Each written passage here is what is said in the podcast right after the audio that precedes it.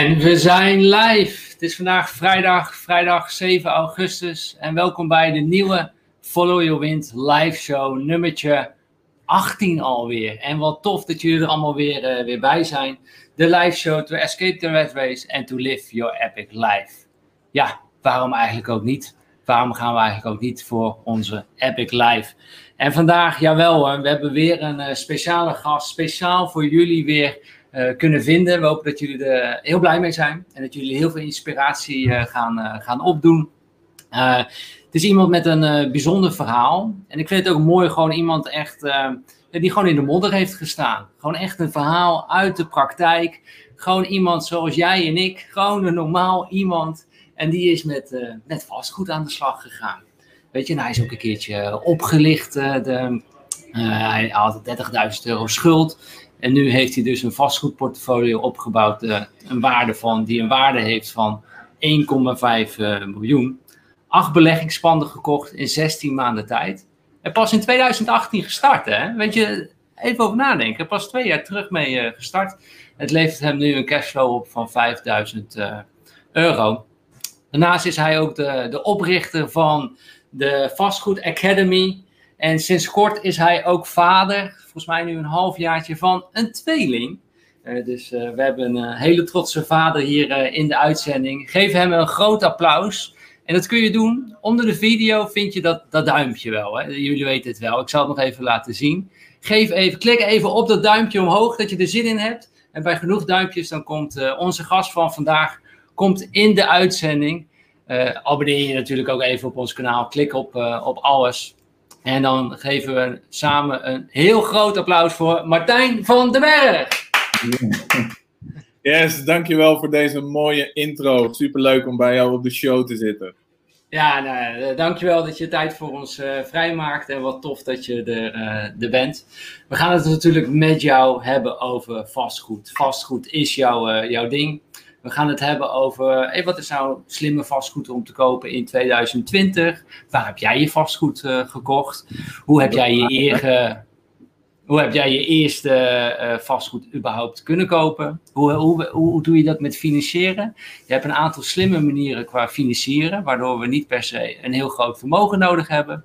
We hebben niet per se banken nodig. Dat gaan we bespreken.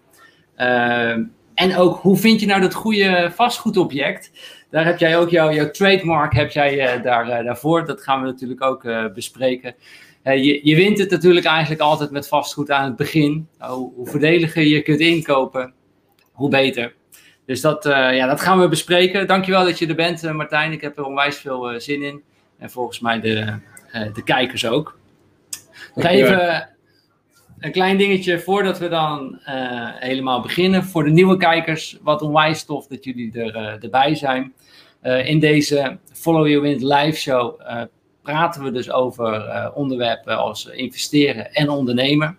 En we willen daar ook even een disclaimer bij zetten. En dat is wat wij je vandaag gaan vertellen. Het is niet de waarheid. Het is slechts een idee, weet je. En we nodigen je uit om je eigen visie te, ont te ontwikkelen. Maak jezelf financieel slimmer en mentaal sterker dankzij, de, dankzij deze live show.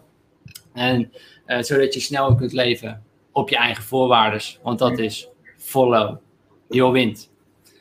Dus laten we gaan, uh, gaan starten. Weet ook kijkers, we maken deze show echt speciaal voor jullie. En het, het is live.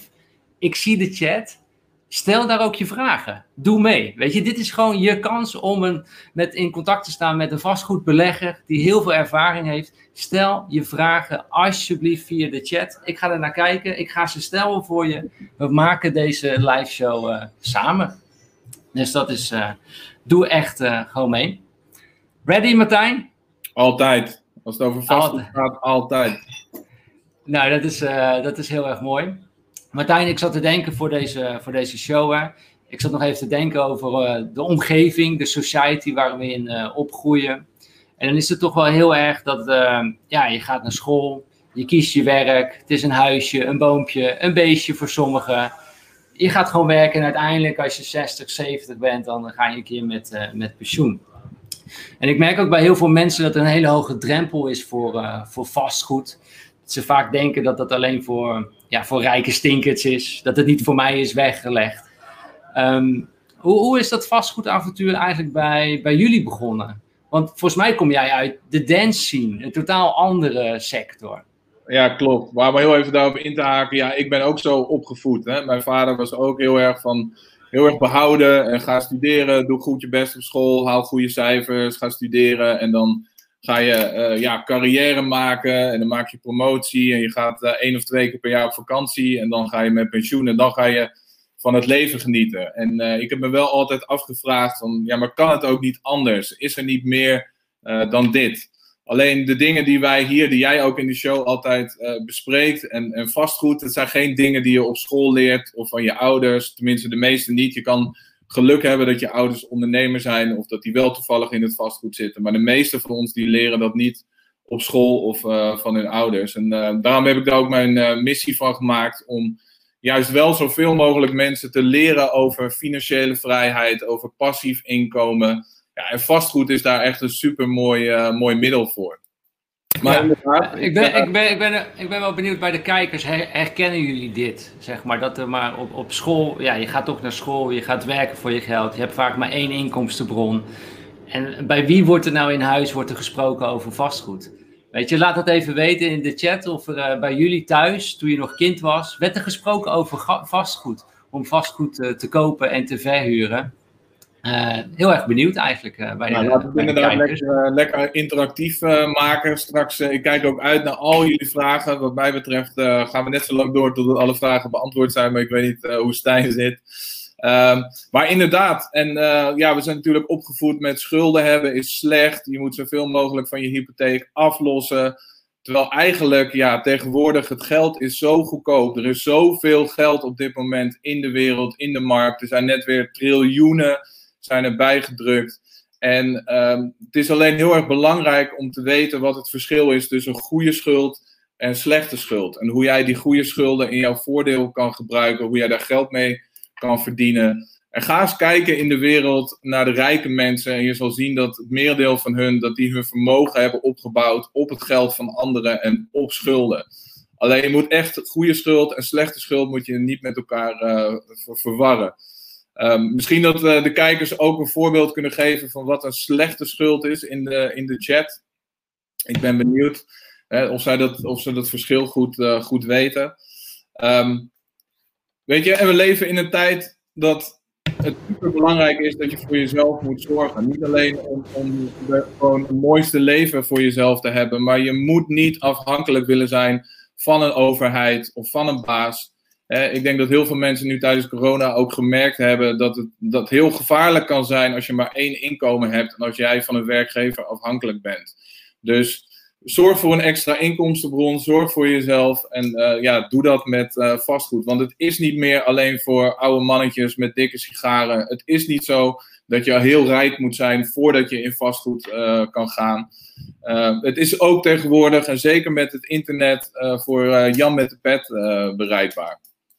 Dus, ja, Nou, ik, ik, zie, ik zie het ook in de chat terugkomen dat het heel herkenbaar is waar we het nu over hebben. Ook uh, Asje die zegt er werd gesproken over huizen bouwen of kopen om te verhuren, maar er was uh, nooit geld voor. Ik denk, nou, dat, ik denk dat we dit moeten gaan tackelen. Hoe je financieringen kunt krijgen, hoe verschillende manieren er zijn. Dus uh, Asje, daar gaan we het zeker over, over hebben. Maar dat, dat, vind ik een heel interessant punt, want ik ken weinig mensen die ik spreek die het niet mooi zouden vinden om minimaal één vastgoedobject te hebben. Of die zeggen van ja, later als ik groot ben, dan wil ik wel graag een paar pandjes hebben om te verhuren. Um, maar er zijn er maar heel weinig die echt actie ondernemen. En dat is hetzelfde met eh, heel veel mensen willen miljonair worden, maar niet iedereen is bereid om de stappen te ondernemen die veel simpeler kunnen zijn dan jij nu misschien denkt, om dat ook uh, te bereiken. En uh, als er gezegd wordt, er was nooit geld voor, mensen kijken heel erg vanuit wat zij hebben en wat zij daarmee kunnen. Maar probeer eens een keer te kijken en te denken van, wat wil ik? Wie kan me daarbij helpen? Wie heeft dat wel? En hoe kunnen wij een samenwerking aangaan? Hoe kunnen wij een win-win situatie creëren? Dus als je zegt, ik heb het geld nu niet, oké, dat kan misschien kloppen. Maar iemand anders op dit moment, die heeft het geld wel. Maar die heeft misschien niet de kennis, die heeft niet dat vastgoedobject, die heeft niet de tijd. Als jij dat in kan brengen, en daar gaan we het zo meteen nog verder over hebben, dan creëer je een win-win situatie. En dan kan jij krijgen wat je wil. En diegene met het geld, die kan ook krijgen wat hij of zij wil. Wauw, mooi Martijn inderdaad. Het is heel erg mindset. En ik zeg niet dat het makkelijk is, want wij hebben nu één vastgoedobject. Wij hebben nu het Malaka Beach House hebben gekocht. Uh, maar wij zitten nu ook er tegenaan te hikken van hoe kunnen we nou dat tweede vastgoedobject kopen. Dus wij hebben precies ook jullie belemmeringen, wat jullie, of wat jullie zeggen in de chat. Ik herken het zelf ook helemaal. Hè? Dus daarom ook deze live show. voordat we daar dieper induiken, nog heel even terug naar jouw verhaal, Martijn. Ja. Jij zat in die dance scene. Je, je had 30.000 schuld volgens mij. En toen ben je toch met vastgoed begonnen. Hoe, hoe zit jouw verhaal in elkaar? Nou, inderdaad zat ik uh, in, de, in de dance scene en was ik een soort van, van freelancer. Maar ik zat eigenlijk nog steeds ja, een soort van in de red race en gevangen. Ik werkte voor mijn gevoel nog steeds voor, voor een baas. En ik had nog steeds zoiets van, ja, is dit het nou? Kan ik daar niet meer uit het leven halen. Ik, ik, had op zich op papier een droombaan. Ik bedoel, ik vloog de hele wereld rond om een concept te verkopen en om feesten te organiseren. Um, inderdaad had ik een schuld van 30.000 euro een paar jaar terug. Dat is nog zo'n drie jaar geleden. Uh, dat was onder andere een studieschuld, maar ook wat andere schulden bij de bank, bij mijn vader. En mijn vrouw, mijn, mijn toenmalig uh, ja, verloofde, die zei tegen mij van Martijn, voordat wij verder gaan en de toekomst samen op gaan bouwen, dan wil ik dat wij die schuld wegwerken en dat we gewoon met de schone lei uh, beginnen. Nou, dat is natuurlijk super van haar. Ze heeft me daar ook echt mee geholpen om dat te doen. En eigenlijk mijn, mijn groot, ja, ik, ik was altijd goed, goed in ondernemen en geld verdienen, maar ik was nog beter in het uh, uitgeven van geld. En ik heb wel echt genoten van mijn studententijd. Ik had toen wel zoiets van, nou, ik heb nu wel de tijd en de energie, maar ik heb geen geld. Dus nou, dan uh, leen ik dat van, van Duo en dan kan ik toch een paar keer per week uitgaan en mooie reisjes maken en zo. Alleen mijn grote wake-up call was toen ik dacht heel erg slim te zijn. En ik zei tegen mijn vrouw: Joh, weet je wat? We kunnen natuurlijk elke maand een bedrag aflossen om die schuld af te betalen. Maar die rente die is heel erg laag. Wat nou als wij een product vinden waarin we investeren met een hoger rendement? En dan sparen we in één keer dat bedrag bij elkaar en dan lossen we daar in één keer die schuld mee af. Nou ja, ik woonde toen in uh, Praag, mijn vrouw is Tsjechisch en ik had uh, via via een Nederlandse adviseur leren kennen. En uh, de eerste paar keer, vijf keer met hem afgesproken, niet over geld gehad. Maar op een gegeven moment kwam mijn plan zo ter sprake. En hij zei van nou, ik heb het perfecte product voor je. dit is het. Dus wij elke maand 900 euro in dat product steken. Hij kende mijn situatie. Hij wist dat het was om een schuld af te betalen. En hij wist ook dat ik na 15 maanden een, een, bedrag eruit wilde halen om daar een deel van die schuld mee af te lossen. Dus ik na 15 maanden naar hem toe, ik zeg, joh, zoals afgesproken, ik wil graag die schuld aflossen en ik wil graag dat geld eruit halen. En hij kwam met allerlei smoesjes en ik dacht van, hier klopt iets niet. En nou ja, lang verhaal kort, ik kwam erachter dat ik opgelicht was. Hij heeft mijn handtekening op zeven verschillende documenten heeft hij vervalst. Documenten wow. Ja, wauw. Als ik die gezien zou hebben, had ik daar nooit nooit voor getekend en dat wist hij. En daarom heeft hij het voor mij gedaan. En ik zat vast aan een woekerpolis voor 10 jaar voor 900 euro per maand. Nou, dat is op mijn leeftijd natuurlijk. Als je graag zelf een huis wil kopen, als je kinderen wil, zou dat nooit iets zijn wat ik normaal gesproken zou doen. Ik snap nog steeds niet waarom hij het gedaan heeft. Hij heeft een commissie gekregen van 750 euro. Hij had er voor de gevangenis in kunnen gaan als ik gewild had. Uh, uiteindelijk heb ik via een advocaat en heel veel belletjes en mailtjes, heb ik een, een, jaar, anderhalf jaar later, heb ik de totale investering plus een schadevergoeding van 3.500 euro wel teruggekregen. Omdat ik gewoon een hele sterke zaak had en hij gelukkig heel veel fouten heeft gemaakt. Maar dat was voor mij het moment dat ik zei: Oké, okay, Martijn, nu is het afgelopen. Nu moet je echt tijd en geld in jezelf gaan investeren. En je moet jezelf gaan educaten op het gebied van geld en hoe geld voor jou kan werken. En dat is maar heeft, dit, heeft, heeft, dit niet jouw vertrouwen enorm geschaad? Want je, je had het net in het begin van de uitzending over van ja, als je zelf het geld niet hebt, dan moet je gaan kijken of andere mensen het hebben. En of je kunt gaan samenwerken. Nou ja, je hebt dat een keer gedaan in Tsjechië. Je bent gaan samenwerken, maar je bent ja, eigenlijk finaal genaaid. Weet je, heeft dat niet, wat heeft dat met jouw vertrouwen gedaan?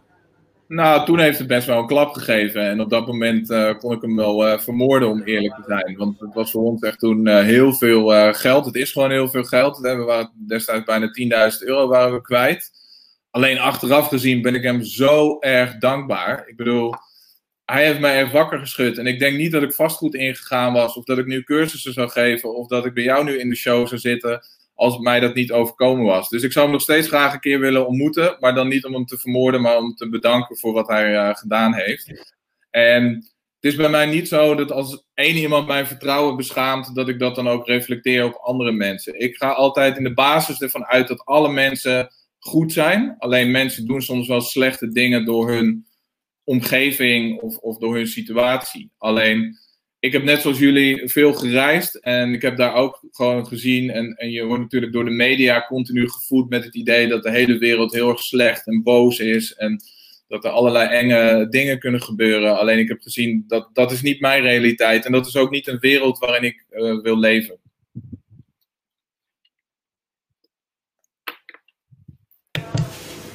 Daar is mijn microfoon weer. Uh, maar nog steeds, je zat nog steeds met die schuld. Uh, je bent één keer uh, opgelicht. En toch had je het idee, we gaan in vastgoed. Waarom, waarom in vastgoed? Ja, ik ben toen echt begonnen met die journey. Ik ben boeken gaan lezen, ik ben filmpjes gaan kijken. En ik durf wel te zeggen dat voor heel veel mensen ja, het boek van Robert Kiyosaki, Rijke Pa, Arme Pa, Rich Dad, Poor Dad, dat dat mij echt hele grote inzichten gegeven heeft. Ik ben zelf absoluut geen lezer, maar dat is een van de weinige boeken die ik vrijwillig uh, wel uitgelezen heb. Uh, ik weet niet, uh, misschien kunnen we even aan de kijkers vragen ook wie het boek Rich Dad Poor Dad thuis in de boekenkast heeft, heeft staan. Mocht je het niet hebben, bestel het meteen. Echt, het is de beste investering waarschijnlijk die je ooit zal doen, want je gaat er echt heel veel waarde uithalen en hele andere inzichten krijgen over, over geld. Ja, voor mij was de, de game changer was Cashflow Kwadrant. Dus dat is zijn, uh, zijn tweede boek, Cashflow Kwadrant. Daar zie je heel goed uh, dat er vier verschillende manieren zijn hoe je inkomen kunt verdienen. En hoe we eigenlijk met z'n allen in het schoolsysteem allemaal aan de linkerkant zitten te pielen. En waarin de rechterkant, waar maar 10% van de mensen zitten, waar de echte vrijheid uh, is Klopt. inderdaad. Klopt. Nou, ja. ik zie ook bij de kijkers, Edwin twee stuks, Geert-Jan heeft de, de samenvatting bekeken. En Ingrid ook in één ruk uitgelezen. Uh, Martijn, uh, hoe, hoe, hebben jullie dat eerste uh, vastgoedpand dan kunnen financieren? Nou, nog, nog heel even mijn verhaal af te maken. Sorry, ik ben dus heel veel gaan investeren qua tijd en qua geld in mijn kennis. Dus boeken lezen, filmpjes kijken, maar ik ben ook ja, eerst gaan uitzoeken van oké, we willen graag financieel vrij worden. Wat betekent dat voor ons? Hoeveel hebben we dan concreet nodig elke maand aan passief inkomen om onszelf financieel vrij te worden? Wat zijn manieren van passief inkomen en welke passen bij ons? En ja, we hebben, ik heb gewoon gekeken van oké, aandelen, crypto, vastgoed. En dan kom je er al heel erg snel achter dat heel veel mensen die rijk zijn geworden dat met vastgoed gedaan hebben. En dat vastgoed natuurlijk ook historisch gezien echt een van de meest stabiele en goede uh, investeringen is. En we bleken het ook nog leuk te vinden. We bleken ook nog wat mensen te kennen in onze omgeving die er al mee bezig waren. En toen wij op wereldreis waren en we verhuurden het appartement van mijn uh, vrouw in uh, Tsjechië, toen kwam er gewoon, terwijl wij op Bali zaten aan uh, kokosnoot of een cocktail, kwam er gewoon elke maand passief kwam er geld binnen. En wij dachten, hé, hey, dat is leuk, dat is interessant, daar willen we graag wel meer van hebben. En zo is het balletje eigenlijk ja, gaan, gaan rollen. dus eigenlijk ook per toeval kwamen jullie erachter dat jouw vrouw in Tsjechië een appartement had, dat uh, is gaan verhuren omdat jullie zijn gaan reizen en toen opeens voelde je dat effect? Ja, een soort van wel. En uh, nou, we zijn in toen we in Nederland waren, zijn we met het huis van mijn vader begonnen. Daar zijn we gaan huren. terwijl wij daar zaten, hebben we het huis voor hem uh, helemaal opgeknapt, heel veel waarde toegevoegd. En toen zagen we weer een andere manier hoe jij met vastgoed ook geld kan verdienen. Door dingen mooi te maken, door waarde toe te voegen. En hij heeft daardoor zijn huis heel erg snel en voor een supergoeie prijs uh, kunnen, kunnen verkopen. Dus zo waren er een aantal dingen waardoor wij steeds verder uh, nou ja, gemotiveerd raakten. Ook alle vastgoedcursussen gevolgd die op dat moment in Nederland beschikbaar waren, van zowel Nederlanders als, als buitenlanders. Ik had echt zoiets van, ik wil eerst gewoon weten welke strategieën er zijn en ik kan van iedereen kan ik wat leren. En ik wilde echt gewoon die kennis opzuigen als een spons. En dan onze eigen strategie bepalen. En dan gewoon keihard actie ondernemen en aan de, aan de slag gaan. Dus in totaal hebben wij voor uh, 30.000 euro uh, in onszelf en in onze kennis geïnvesteerd.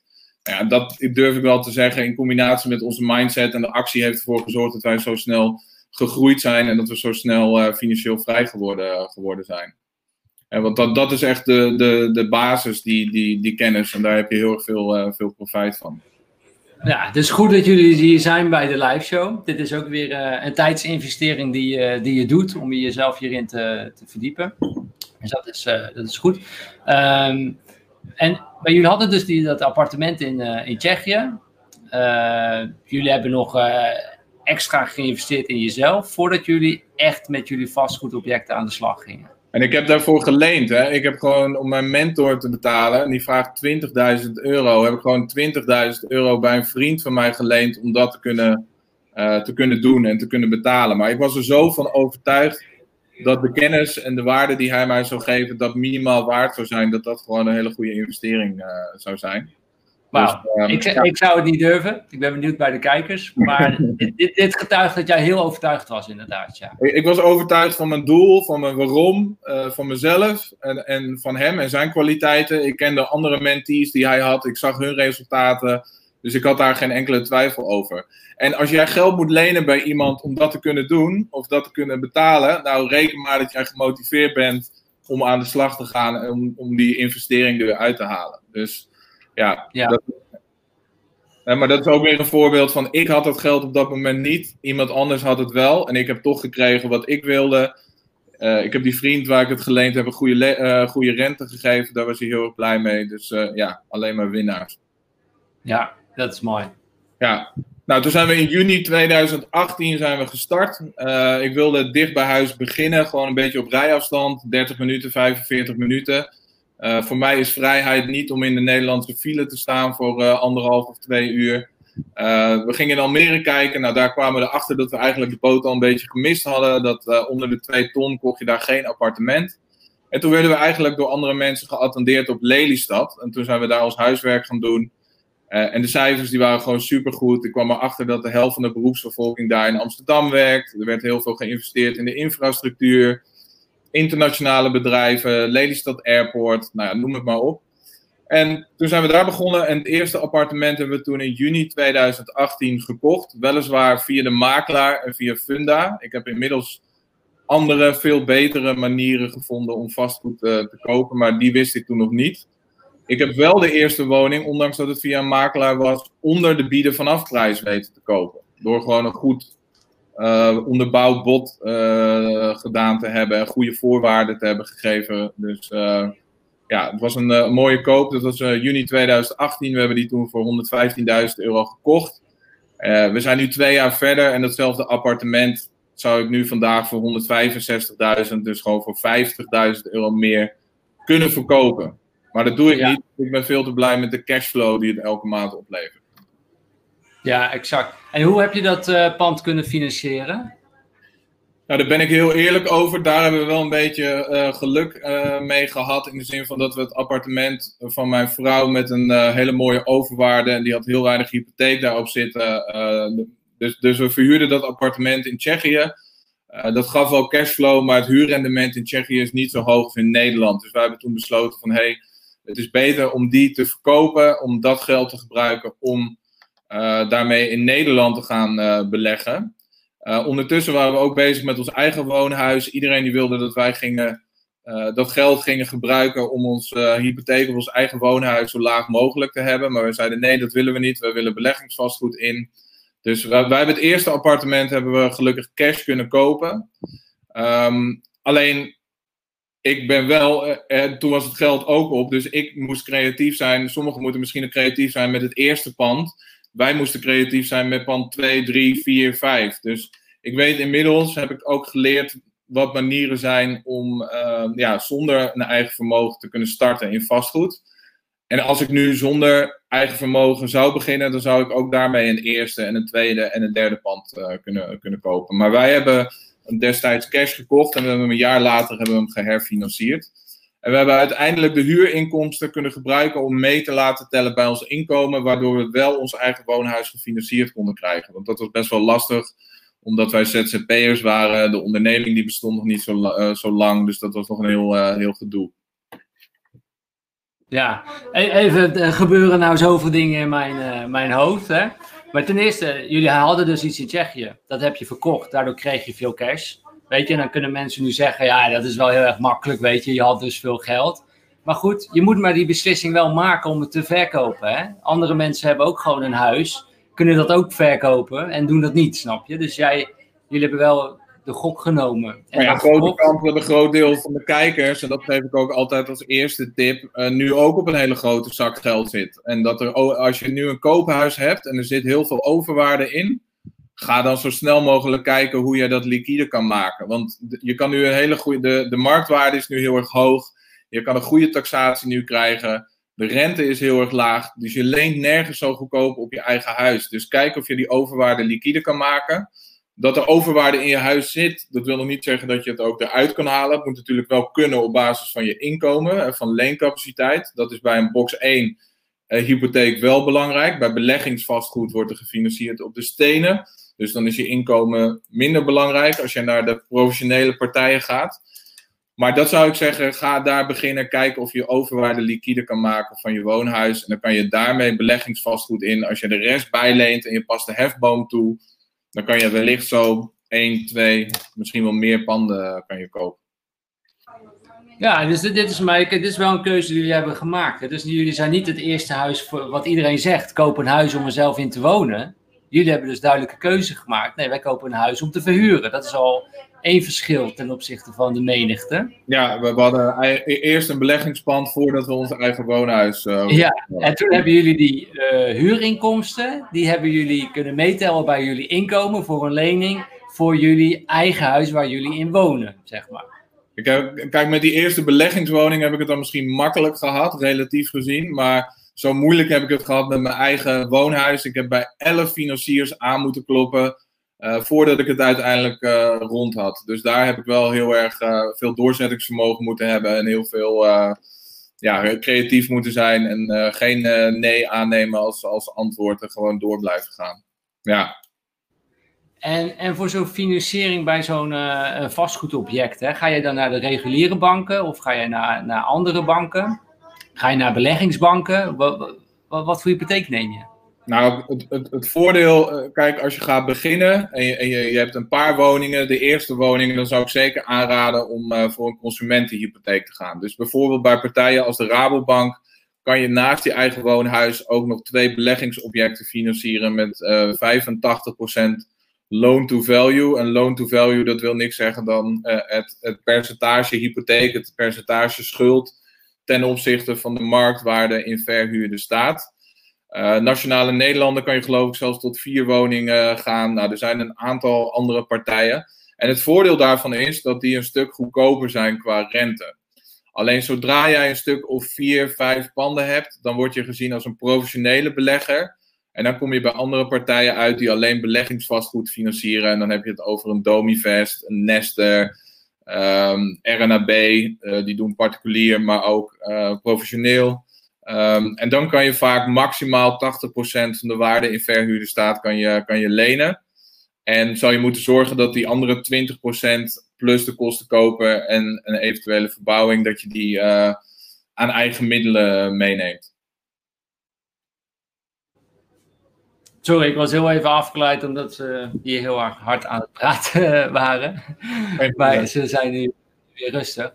Um, wat ik nog me afvoer, en ik zie het ook in de, in de chat, van ja, hoeveel, hoeveel eigen vermogen heb je nu nodig om bijvoorbeeld 150.000 euro te lenen voor een vastgoedobject? Zijn, is daar een formule voor? Je kan vastgoed in als je dat wil vanaf 0 euro. Als jij de juiste kennis hebt en jij hebt een goede mindset en je neemt actie en je ziet kansen die andere mensen niet zien, en jij weet jezelf, of je weet een deal, weet jij goed te verkopen, dan heb je eigenlijk geen startkapitaal nodig. Kijk, blijft, er dan ook nog wel, blijft er dan ook nog wel positieve cashflow over? Zeker, zeker. anders moet je het niet doen. Het is geen, uh, geen hobby of uh, je moet het alleen doen als het serieus geld oplevert. Uh, beleggingswoningen, als het niet minimaal 300, 400 euro in de maand aan cashflow oplevert, dus wat er na aftrek van alle kosten overblijft, eh, dan doe ik het niet. Maar mijn beste woningen die doen 1000, 1100 euro netto uh, in, in de maand. En, uh, zoveel, zoveel in de maand? Yes. En, kan, je, kan, je een woning beschrijven? Waar, waar heb je een woning gekocht? Hoeveel, hoeveel was die dan? hoeveel zijn de hypotheeklasten? En hoe, wat zijn de huur? Nou, ik zit in, uh, in Lelystad. En uh, kijk, je wil uiteindelijk moet je naar de juiste balans zoeken waar je zo goedkoop mogelijk kan kopen en zo hoog mogelijk kan verhuren. En dat klinkt heel erg logisch en heel erg makkelijk. Maar het is best wel nog lastig om die plekken in Nederland te vinden. Maar ze zijn er zeker wel.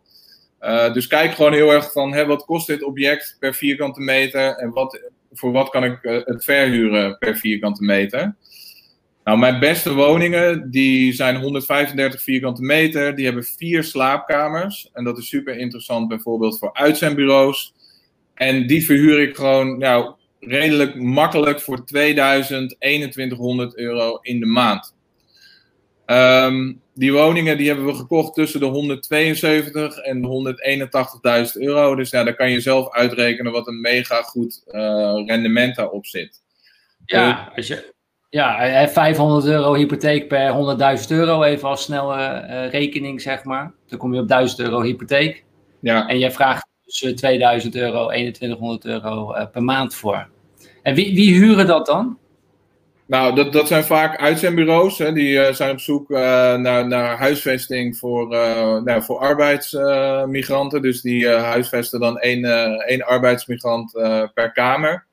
Um, maar, maar je kan ook aan uh, nou ja, andere doelgroepen kan je, kan je verhuren. Kijk, het hoogste rendement zit hem wel vaak bij uitzendbureaus, uh, kamerverhuur aan studenten. Alleen ja, daar loop je soms ook wat meer risico of wat meer werk. Je hebt vergunningen nodig. Uh, je kan wat meer overlast hebben. Maar ik moet zeggen dat ik daar tot nu toe geen last van heb. Ja, en jij, jij verhuurt het dus aan de, in dit geval aan de uitzendbureaus. Zij zetten daar dan weer mensen in. Hoe, hoe, checken jullie dan dat er de juiste huurders in zitten? En waar de meeste mensen natuurlijk bang voor zijn dat ze niet je huis slopen, zeg maar.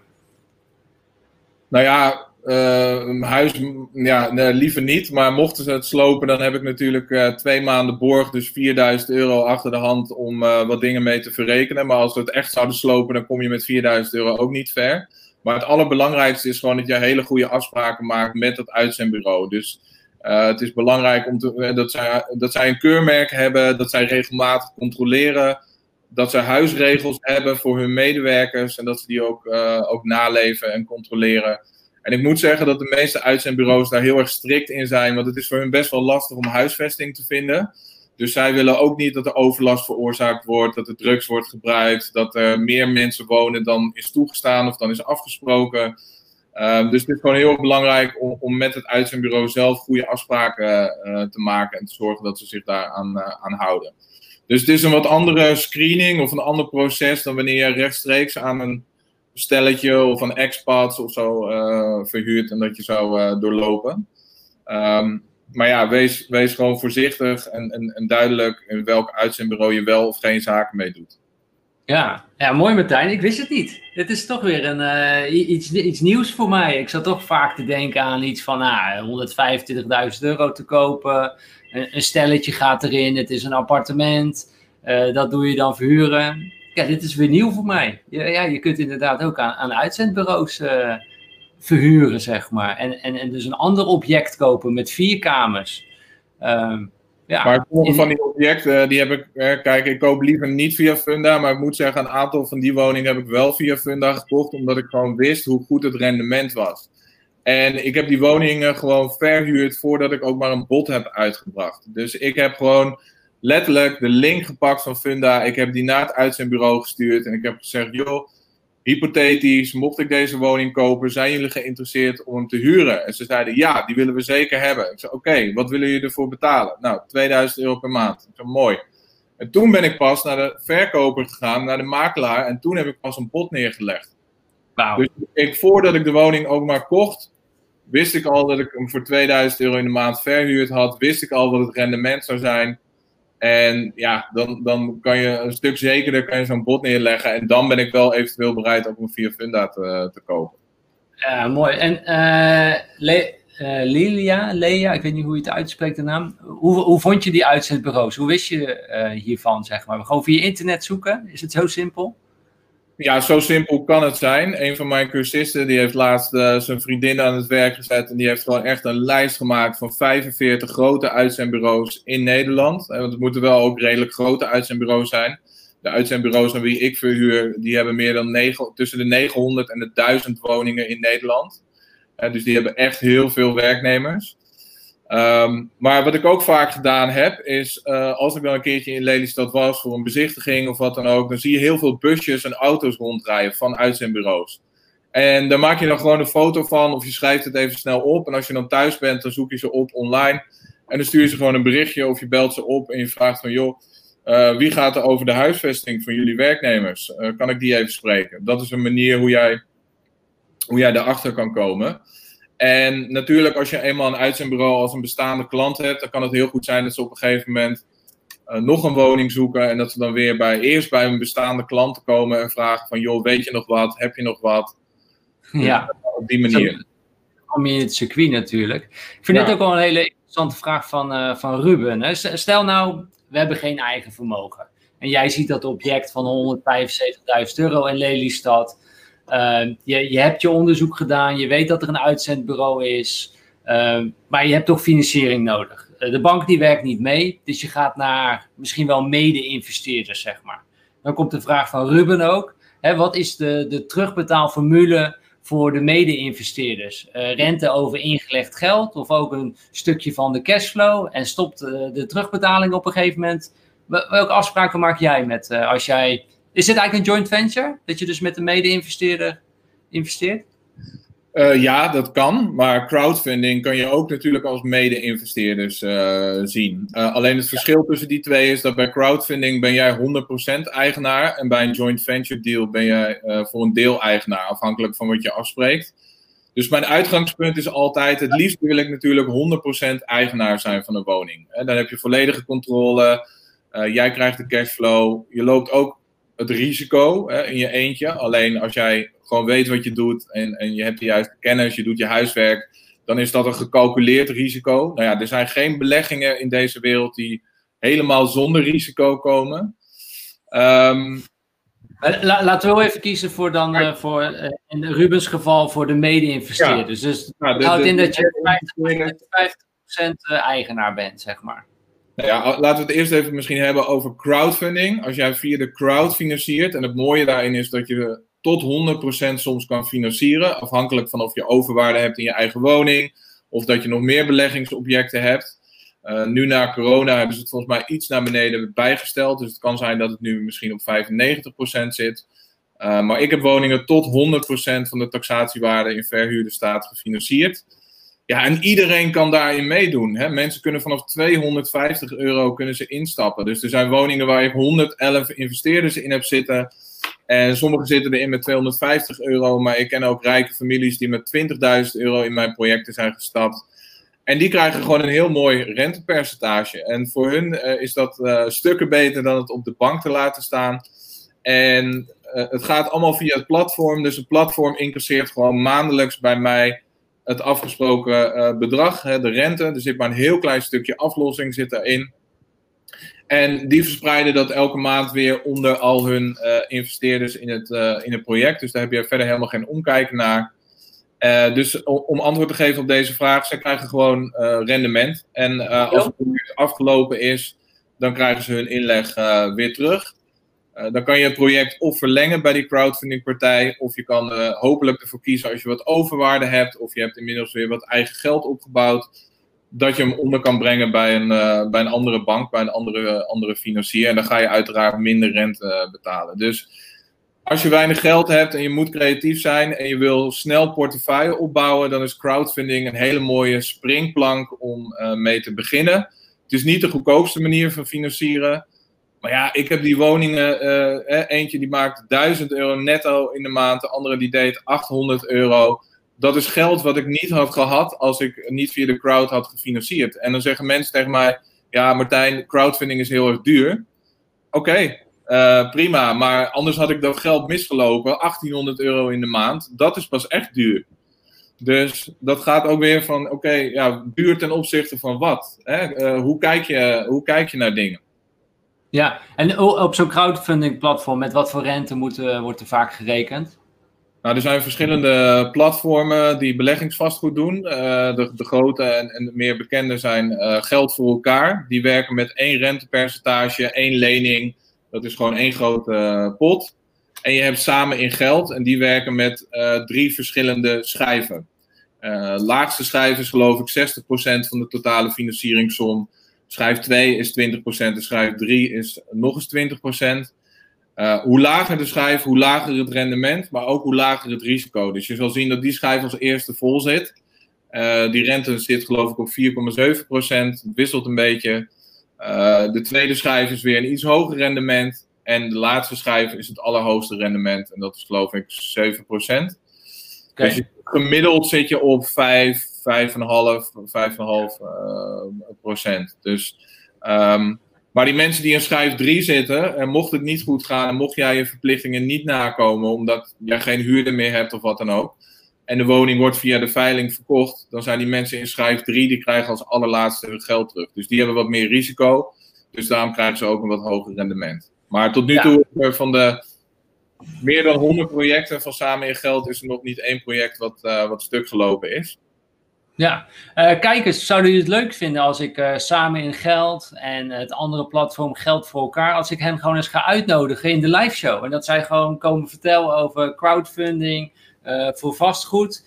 Laat het even in de chat weten als jullie dat leuk vinden, daar interesse naar hebben, dan, dan ga ik daar werk van maken. Dan ga ik contact met hen zoeken en dan nodig ik hen uit hier ook in de uitzending. Ik denk zelf dat het enorm interessant is om vastgoed dus te financieren via crowdfunding. Zeker nu ook weer het verhaal van Martijn gehoord te hebben. Ja. Dus maar... dit is één manier van financieren, hè? Ja, en, en, en dus, dus, dus samengevat, je betaalt gewoon rente, je deelt niet je cashflow, die mag je lekker zelf houden na aftrek van alle kosten. En, maar er zijn ook andere manieren dan crowdfunding. Hè? Een andere creatieve manier, we zouden het hebben over een drietal manieren uh, buiten de bank om hoe jij vastgoed kan financieren. Nou ja, daar zitten we nu middenin, dus laten we dat misschien maar uh, nu verder bespreken. Dus de eerste die is crowdfunding. De tweede is een joint venture deal. Een joint venture dat staat gewoon voor samenwerking, voor het creëren van een win-win situatie. Dan kom je weer op de punt van Martijn, ik heb geen geld om vastgoed in te gaan. Oké. Maar er zijn in deze wereld op dit moment, misschien binnen je familie of je vrienden of ook daarbuiten, heel veel mensen die dat geld wel hebben, maar die denken van oké, ik heb wel het geld, maar ik heb niet de tijd, ik heb niet de kennis, ik heb niet de deal. Dus wat jij eigenlijk doet, is dat jij, jij doet al het zware werk. En jij levert de deal aan, je regelt eventueel een verbouwing, je regelt het papierwerk. Uh, een deel van de koopsom die financier je gewoon bij een bank, 70, 80 procent. En jij regelt de huurders, nou, jij doet al het werk. En de andere partij, die brengt het geld in. En uh, dat zijn dus de, het verschil tussen de hypothecaire lening en uh, de uh, waarde in verhuurde staat, of de, de, uh, dat, dat verschil, plus de kosten koper, nou, dan moet je vaak rekenen met zo'n 5%. Hè, notariskosten, overdrachtsbelasting, taxatierapport, dat soort zaken. En misschien een verbouwing. Nou, dan heb je het over, afhankelijk van de woning, 40, 50, 60.000 euro. En eigenlijk moet je dat zien als een 0% lening aan jou. Dus het is niet zo dat diegene het geld kwijt is. Maar hij steekt het gewoon in de woning. En als je de woning ooit weer verkoopt, en uiteindelijk ga je dat doen, maar doe dat pas hè, als je een goed pand hebt, dan wil je hem het liefst helemaal niet verkopen. Maar mocht je de woning ooit weer verkopen, dan krijgt uh, de JV-partner, eerst wordt de hypotheek afgelost, dan krijgt uh, de JV-partner het geld terug wat hij ingelegd heeft. En als er dan nog geld over is, dan verdeel je dat 50-50. En je bent dus ook voor 50 allebei eigenaar van de woning. Je pakt allebei 50% van de waardestijging. En je krijgt allebei 50% van de huur. Dus ik heb twee woningen uh, JV-deal gedaan met iemand die ik wel goed kende. Doe het niet met iedereen, want het is wel een huwelijk wat je met elkaar aangaat. Je zit echt aan elkaar vast. Um, het is vervelend als, als je een andere strategie hebt. Uh, de een die zegt van, uh, joh, die badkamer die valt uit elkaar, we moeten daar wat in investeren. En de ander die zegt van, nee, ik wil er geen euro insteken. Of je krijgt problemen met de huurders, of dat, dat soort dingen. Um, maar ik heb dus woningen, twee woningen waar ik 0 euro in heb zitten. En waar ik gewoon 500 euro netto per maand per woning uithaal. Even los van de van de waardestijging. Uh, dus dat is een fantastische manier om, om zonder eigen geld vastgoed aan te, aan te kunnen kopen. Maar jij hebt wel al het werk gedaan. Hij, hij legde het geld in en jij de tijdsinvestering. Jij, jij zocht het pand, jij zocht de huurders. Uh, wie doet nu het beheer? Dat, dat is uit, uh, uitbesteed. Oké, en dan blijft er nog 500 euro over? Voor, voor allebei, ja. Dus allebei, allebei 500 euro blijft er over. Ja, klopt. Ja. ja. Maar dat geeft ook wel aan, het is wel heel erg, kijk, niet elke woning die doet 1000 euro netto wat je met z'n tweeën kan verdelen. Dus het is echt super belangrijk. Uh, iedereen heeft het altijd over van ja, hoeveel panden heb je? En, maar uiteindelijk is dat helemaal niet belangrijk. Want jij kan veel beter een paar panden hebben waar je geen hoofdpijn van hebt en die goed renderen, dan dat jij kan zeggen op een verjaardag, oh, uh, ik heb zoveel panden. En de, uiteindelijk gaat het om de cashflow die het oplevert elke maand. En om je totale portefeuillewaarde. En natuurlijk het aantal panden. Ja, het kan een leuk doel zijn voor jezelf. Of het is interessant om te vertellen. Maar eigenlijk is dat helemaal niet zo spannend. Nou ja, het gaat inderdaad om de cashflow. En ook hoeveel tijd het je dan kost per maand. Weet je, daar moet je tegen, tegen afzetten natuurlijk. Goed punt, goed punt. En de, daar, daar word ik me ook steeds meer van bewust. In het begin was ik heel erg gefocust op het hefbomen van mijn geld. Hè? Dus dat je geld, je eigen vermogen gebruikt en geld bijleent en daardoor je rendement op je eigen vermogen, je ROI, dat je dat vergroot. Alleen nu ben ik steeds meer gefocust op het hefbomen van mijn tijd. Hè, want tijd is het kostbaarste bezit wat we hebben. En ook op het hefbomen van mijn energie. Want uh, ik moet dingen vooral echt, nu ik financieel vrij ben, ja, hoef ik niet meer. En wil ik vooral dingen doen die ik echt leuk vind. Zoals vandaag hier bij jou in de show zitten en hopelijk andere mensen helpen en inspireren. Ja, mooi. Ik, uh, ik zag in de, in de chat ook heel veel reacties terugkomen. We gaan uh, geld voor elkaar of uh, samen met elkaar. Ik weet even de namen niet meer uit mijn hoofd. Ik ga ze samen vragen. In, samen in geld. Inderdaad. iedereen was heel enthousiast in de chat. Dus ik ga daar werk van maken. Dus verwacht een live show daarover. Voor nu wil ik heel even. Ik zie nog meer vragen. Hele interessante vragen. Die ga ik zo ook, ook stellen voor jullie. Voor nu heel even het Instagram momentje. Wat we altijd hebben tijdens de, de live show. Uh, pak even met z'n allen je, je telefoon er ook, uh, er ook bij. Dan maken we even een fotootje van deze live show. En dan kunnen we het ook delen op, uh, op Instagram. Dus pak je telefoon erbij. Het idee is maak een foto en tag ons op, op Instagram. je hebt apenstaartje Nicole Stijn en je hebt apenstaartje Martijn Berg van Den. En ja, maak gewoon even een foto met z'n allen. Komt-ie? Yes, Martijn? Leuk. Uh, maak een foto, tag ons even, wij reposten het voor je. Uh, we vinden het altijd heel erg leuk om te zien wie dit nou kijken. En uh, dus doe dat ook even op, op Instagram voor ons. dankjewel. Zet er wellicht een tekstje bij dat je het interessant vindt of iets dergelijks. helemaal top. Ehm, dan ga ik even terug naar de, naar, naar de chat. Ik vond dit ook wel een interessante vraag van, van, van Astrid. Kijk, het lijkt nu wel een beetje of dat, uh, dat zei Asher, die zei dat ook van, hey, het lijkt dat of uh, good, good to be, to be true, snap je? Dat het allemaal goed gaat bij jou, weet je. Ehm, terwijl je duidelijk hebt laten zien dat je één keer flink bent opgelicht, natuurlijk, weet je. Dus, hè, dus daar, daar begon je mee. Ehm, ja, maar, dat, dat, was, dat was voor het vastgoed en voordat ik me in die kennis ging, ging verdiepen. Maar ik ben het levende bewijs. Het kan echt, jongens. En, en ik kan me voorstellen dat je nu misschien denkt van ja, dit kan niet. Of dit is too good to be true. Maar uh, ja, het is echt waar. En jij kan het ook. Ik ben een gewone, hardwerkende jongen. En nee, het komt niet aanwaaien. Vastgoed is geen get rich quick. Maar als jij een juiste strategie hebt. En het liefst heb je een goede mentor die jou de juiste kennis geeft dan is het wel een get rich certain hè, op de lange termijn. Het is, een, het is een marathon vastgoed, het is geen sprint. En, maar het is echt mogelijk, geloof mij nou maar. Maar je moet er zelf ook in geloven. Dat is heel erg belangrijk. Als jij er niet in gelooft, dan gaat het ook niet gebeuren. En uh, ik denk dat het allerbelangrijkste is, en dat kan je misschien zo meteen nog even aan de kijkers vragen, want zij kijken deze show, dus ik ga ervan uit dat zij financieel vrij willen worden, dat ze interesse hebben in vastgoed is even een voorzichtige aanname. Maar waarom wil jij vastgoed in en waarom wil jij financieel vrij worden? Als je dat niet duidelijk hebt voor jezelf, als jij die burning desire niet hebt, als jij die pijn niet hebt gevoeld. Die pijn bij mij die was heel erg groot. Ik was opgelicht. Ik was bijna 10.000 euro kwijt. Ik zei tegen mijn vrouw: Ik weet niet of je nog met mij wilt trouwen. maar misschien heb jij een andere pijn. Misschien zit je in de schulden. Misschien heb je een klootzak van een baas voor wie je niet meer wil werken. Uh, dat is heel erg verschillend. Maar als jij die pijn hebt en die voelt, dan heb jij zo'n grote drive, zo'n grote motivatie. En dan ga jij slagen, dan ga je dat halen. Ja. Maar als, je, het, als je het niet duidelijk hebt en je denkt gewoon, ja, financiële vrijheid, ja, lijkt me wel leuk. Uh, of ik wil graag vastgoed in, ja, lijkt me wel interessant. Doe het niet stop ermee, ga nu lekker naar buiten, ga lekker van mooi weer genieten, weet je wel. Daar doe je jezelf dan een veel groter uh, plezier mee. Ja, goed dat je dat even aangeeft, dat het niet komt, uh, komt aanwaaien inderdaad. Nee, uh, en daar, daar sluit deze vraag van Astrid ook heel erg mooi op aan. Ik vind dat een hele leuke vraag. Heb je veel... Even... Ja? Oh ja, lees jij maar voor, is goed.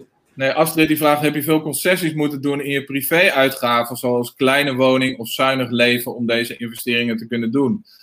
Ja, en dan kom je ook weer van hoe graag wil je het echt? Uh, en dat is wel een mooie anekdote. In, uh, we zijn in juni 2018 zijn we uh, begonnen, ons eerste pandje gekocht.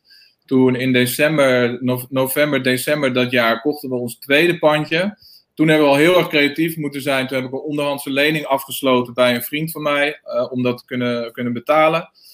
Um, maar we hadden nog wat geld nodig om het pandje ook uh, verhuur klaar te krijgen. Er moest ook wat geschilderd worden en er moest ook een nieuwe laminaatvloer in. Dus ons allerlaatste geld in het dure decembermaand, hè, met Sinterklaas, kerst, oud en nieuw, ging in dat, in, in dat pandje en in dat vastgoed. Zover dat er gewoon 1,72 euro op onze rekening stond. En mijn vrouw bij de kapper was en die wilde betalen en er was gewoon geen saldo. Zij kon gewoon niet de kapper betalen voor 40 euro. En dat geeft wel aan dat je soms ook, ja, het hoeft niet, maar als jij je doel duidelijk hebt en je weet waar je naartoe dan wil, dan ga je soms op de korte termijn concessies doen om jouw doel op de lange termijn te behalen. Weet je wel, dat is hetzelfde als mensen die willen alles. Ja, iedereen die wil alles nu. Ik wil nu op vakantie, het is nu lekker weer, ik ga nu naar buiten. Ja, en ik ben deze dagen met het lekkere weer gewoon aan het werken. Ten eerste omdat ik het leuk vind. Ten tweede, omdat ik gewoon over een paar jaar voor de rest van mijn leven met vakantie wil kunnen, terwijl iedereen aan het werken is. Dus financiële vrijheid gaat ook heel erg juist om keuzes. Het gaat niet om geld. En hoe lager jouw uitgaven inderdaad zijn, hoe zuiniger jij leeft, hoe eerder jij financieel vrij bent. En dan in de toekomst, als je veel passief inkomen hebt, als je cashflow hebt vanuit je panden, dan kan je vanuit dat geld je levensstandaard wel weer gaan verbeteren en, en gaan, gaan verhogen. Maar echt als eerste stap inderdaad is super belangrijk om eens te kijken van oké, wat komt er nou binnen elke maand? Maar dat weten de meeste mensen wel, want het is vaak één inkomstenbron en ja, het is elke maand hetzelfde. Ja, dat is waar. Maar wat gaat eruit? wat gaat eruit? En ik ga daar kritisch naar kijken. Is dat echt nodig? Kan ik ook zonder? Kan ik wat minder uiteten? Uh, heb ik dat abonnement echt nodig? ga gewoon eens even dingen, dingen schrappen. En dan ben je al, al veel eerder financieel, uh, financieel vrij. Ja, en, en, waarom ben jij zo gefocust op, op vastgoed, zeg maar? En waarom ben je niet in, in, aandelen gegaan of in, in, in goud of in bitcoin? Waarom, waar, waarom denk jij, waarom ben je voor vastgoed gegaan?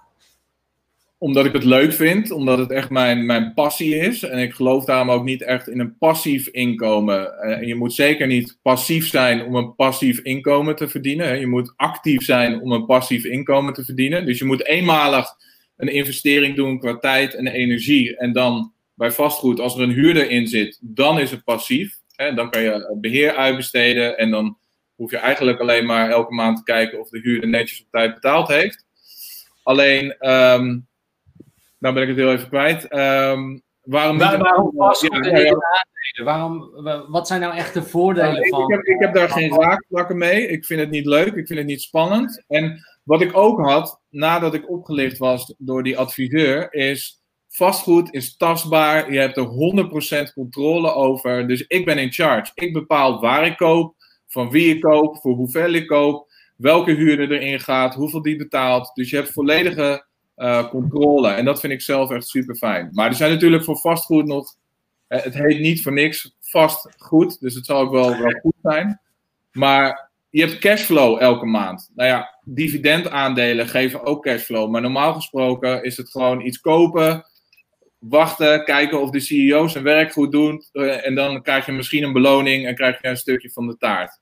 Uh, maar je hebt er geen controle over. Je bent afhankelijk van de markt, van de CEO.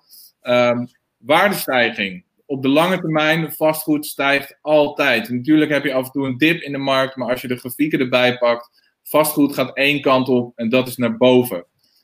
Het is inflatieproef. Hè? Er is geen belegging die inflatieproef is. Jij mag gewoon elk jaar mag jij je huur aanpassen op basis van de cijfers van het CBS. Eh, met een opslag van, uh, van 2%. Dus terwijl het geld van iedereen minder waard wordt, wordt jouw belegging, jouw investering wordt niet minder waard. Die groeit gewoon mee. Ja, en het is belastingvrij. De huurinkomsten zijn belastingvrij. Nou, hoe mooi is dat in een land als Nederland, waar iedereen altijd loopt te klagen over hoeveel belasting we betalen, dat je daar gewoon geen belasting over, uh, over betaalt? Nou ja, dus je hebt uh, veel in controle. Het is eigenlijk een heel simpel businessmodel. Je ziet het voor je, je kunt het vastpakken. Je weet wat je, je maandelijkse uitgaven zijn qua hypotheken en wat onderhoud. Je weet wat er binnenkomt. Dus het is eigenlijk een heel makkelijk businessmodel. Hè? Je hoeft niet hele aandelen te, te analyseren. Het is inflatiebestendig. Je mag de verhuurinkomsten met uh, de inflatie uh, ja, corrigeren. Dat is natuurlijk ook weer, weer gunstig. Um, daarnaast... Het is niet volatiel. Hè? Kijk, uh, dingen als Bitcoin. Ja, nu, nu ik wat meer vermogen heb opgebouwd, heb ik ook wat aandelen gekocht. Heb ik ook wat crypto gekocht een paar maanden terug. Alleen, ik geloof heel erg in vermogensopbouw. Focus je op één ding. En vermogensbehoud hè, voor de lange termijn. Ga dan wat, wat, wat spreiden en breng dan echt een mooie, een mooie beleggingsportefeuille aan. En ga dan ook in wat andere dingen zitten. Maar ja, merendeel van mij altijd in vastgoed blijven, omdat ik dat gewoon snap, leuk vind, uh, ja, controle heb. Nou ja, en, en dan komen we bij nog iets bij vastgoed. Je gaf het al, aan, het is in box 3 belast. Hè? Dus jij, uh, je, hebt daarnaast nog andere dingen, een ander inkomen. En daardoor, en je besteedt het uh, beheer uit. Hè? Daardoor kan je het in box 3 kun je het, laten belasten. Dat was ook een van onze, onze vragen. Dus dat is weer een voordeel. En eigenlijk nog als, als laatste voordeel, en daar kwam ik deze week achter. Ik, ik zette dat ook in een mailtje van: hey, is Nederland gewoon niet het vastgoedparadijs? En want wij hebben nu een woning in Spanje. Daar zit flinke overwaarde op. Als ik kijk naar de verkoopprijzen, uh, hoe de huizen verkocht worden in onze straat, denk ik: wauw, wat kunnen wij wel niet vragen? Maar die overwaarde, ik kan het niet eruit pakken. Ik kan het niet herfinancieren via een Spaanse bank. Dat, zo werkt het niet in Spanje. En in Nederland kun je dus zonder je huis te verkopen, kun je gewoon een extra financiering voor een tweede object krijgen, snap je? Ja, en, en niet alleen... Dat krijg, je ook dat krijg je ook niet met aandelen, hè? Dat is zoveel geld. Één keer 50.000 euro in een jaar tijd bijvoorbeeld hebt, zeg maar. Dat, ja, dat, dat had ik anders nu gehad met het Spaanse huis. Nee, maar vastgoed is de enige belegging waarvoor jij naar de banken gaat en kan zeggen van... hé, hey, geef mij hier geld voor. En dat komt omdat banken Banken verdienen hun geld natuurlijk door geld uit te lenen. Banken verkopen geld. Maar banken die weten ook als geen ander dat vastgoed gewoon heel erg stabiel is op de, op de lange termijn en, en heel erg zeker. En daarom zijn ze ook bereid om uh, met vastgoed als uh, hè, object, uh, om dat als zekerheid te hebben om jou daar geld voor te lenen. En je kan niet alleen ja. de openwaarde benutten op je woonhuis. Je kan ook, en dat heb ik zelf ook al gedaan. Ik heb na één jaar heb ik al woningen geherfinancierd. Dus gewoon door ervoor te kiezen om de lening heel kort vast te zetten, hè, één jaar. En iedereen die adviseert nu, ja, de, de rente heeft nog nooit zo laag gestaan. Klopt. Maar de rente blijft nog steeds naar beneden gaan. Er is nu natuurlijk met corona weer een klein beetje omhoog gegaan. Maar um, ja, ik heb ervoor gekozen om veel financieringen nu even tijdelijk voor de korte termijn te doen. Omdat ik wist, als de, de markt stijgt en er zit overwaarde in, dan kan ik dat er ook weer uithalen. En dan kan je daar ook weer mee verder. Ja. Dus ook op je beleggingsvastgoed. Uh, ja, exact. Ik vind dit ook weer een mooie uh, vraag, Werner. En ik, uh, ik wil het ook, of uh, van Werner. En ik wil het ook even met je bespreken, Martijn. Want ik denk dat veel mensen dat hebben. kijk, jij, jij bent nu naast dat je zelf gewoon in vastgoed zit. Je bent gewoon het voorbeeld. En je hebt daar 5000 euro cashflow per maand uh, mee. Maar je hebt ook de Vastgoed Academy heb je opgezet. Hè? Je, je begeleidt ook andere cursisten om dit ook te gaan doen. Je deelt daarin je kennis, zoals je vandaag ook al heel open doet, zeg maar. Maar dan zit er altijd zo'n lampje bij mensen. En wat Werner zich ook afvraagt. Dan laten we eerst even de vraag beantwoorden aan de hand van jouw mentor. Weet je, waarom zou jouw vastgoedmentor 20k vragen, 20.000 euro vragen, terwijl hij al financiële vrijheid heeft? Waarom niet voor een bedrag van 5000 euro bijvoorbeeld? Wat, wat is jouw gedachte daarover, uh, Martijn? Allereerst, Werner, eh, ja, ik begrijp de vraag die jij, eh, die jij stelt. Alleen aan de andere kant, dit soort dingen, dat is, dat is ook mindset. Ehm, kijk, mijn mentor die helpt per jaar maar vier of vijf mensen. En ehm, dat is gewoon zijn keuze en die wil hij heel erg goed helpen. En die helpt hij ook heel erg goed. Ik bedoel, als ik kijk naar uh, onze resultaten, maar ook die van alle andere mentees. Er zijn geen mentees die niet binnen no time vrij zijn of die een gigantische vastgoedportefeuille hebben op, opgebouwd. En uh, ehm, 20.000 euro is veel geld. Uh, vond ik ook toen. Hè. Ik moest het lenen om het te kunnen betalen. Alleen de waarde die hij mij gegeven heeft, is niet in geld uit te drukken. Um, hij heeft mij geleerd hoe ik vastgoed kan kopen zonder eigen geld. Dankzij hem ben ik heel snel financieel vrij geworden. Dankzij hem heb ik mijn hele mindset over geld uh, verbeterd en veranderd. Dus als hij mij nu zou zeggen: Martijn, als jij mijn mentee wil worden, kost je 200.000 euro. Ik betaal het. Geen probleem, want ik weet nu hoeveel waarde hij gegeven heeft, hoe hij mijn leven heeft veranderd. En kijk, dit is echt ook, ook, ook, ook mindset. En je kan natuurlijk denken: ja, hij is financieel vrij en hij hoeft het niet meer voor het geld te doen. En dat is ook zo. Alleen hij, maar ik ook, heeft dit ook gedaan om vrijheid te hebben. En het kostbaarste bezit wat hij heeft en wat ik ook heb, is tijd. En wij hebben ook een familie. Wij hebben ook uh, in mijn geval een bedrijf. Ik heb ook werknemers die ik moet betalen. Ik heb ook uh, advertenties die betaald moeten worden. Hè? Facebook uh, is ook geen liefdadigheidsinstelling. Dus ehm, die prijs is gewoon zijn waarde. En aan de andere kant, weet je, het, het, het is maar een, een, een bedrag. En hij selecteert daar ook op een natuurlijke manier zijn mentees bij. Stel je voor dat hij zou 200 euro vragen voor zijn mentorprogramma. Dan krijgt hij een heel ander type klanten dan wanneer hij 20.000 euro vraagt. 20.000 euro was overigens wel voor mijn vrouw en mij samen. Uh, dat is ook weer een voorbeeld. We hadden de cheap way kunnen gaan en had ik gezegd van oké, ik betaal 10.000 euro voor mezelf en ik vertel alle informatie wel door aan mijn vrouw. Maar wij zeiden nee, we willen beide dit traject volgen, we willen dit samen doen. Uh, anders, dan, dan werkt dat gewoon, gewoon niet. Ik doe alles samen met mijn vrouw, echt als een team. Natuurlijk is zij nu drukker met de tweeling en ik drukker met de business, maar de belangrijke dingen doen we nog samen. Dus um, uiteindelijk gaat het er ook niet om wat iets kost. Het gaat erom wat het jou oplevert. En het gaat er jou om wat het waard is. Dus ben ik bereid om 20.000 euro te betalen om financieel vrij te zijn voor de rest van mijn leven? Om mijn vrouw en mijn kinderen te kunnen geven wat zij willen. Om uh, mijn moeder te kunnen helpen nu. Haar auto gaat stuk. Uh, ik kan tegen haar zeggen: joh, maar uh, laten we gaan kijken naar een goede tweedehands auto. En ik, ik leg wel wat bij. hell yeah, dat is het mij echt wel waard. Dus ja. mindset, mindset, mindset. Ik blijf er altijd op focussen. En mensen zeggen: ja, ik heb een hele goede mindset. En mijn mindset is goed. En ik heb dit boek gelezen. Alleen ik zie vaak in de praktijk dat hun mindset niet goed is. En, en, en dat ze op een andere manier naar dingen zouden kunnen kijken. En dan uh, ja, gewoon uh, veel meer zouden kunnen bereiken en eruit zouden kunnen halen.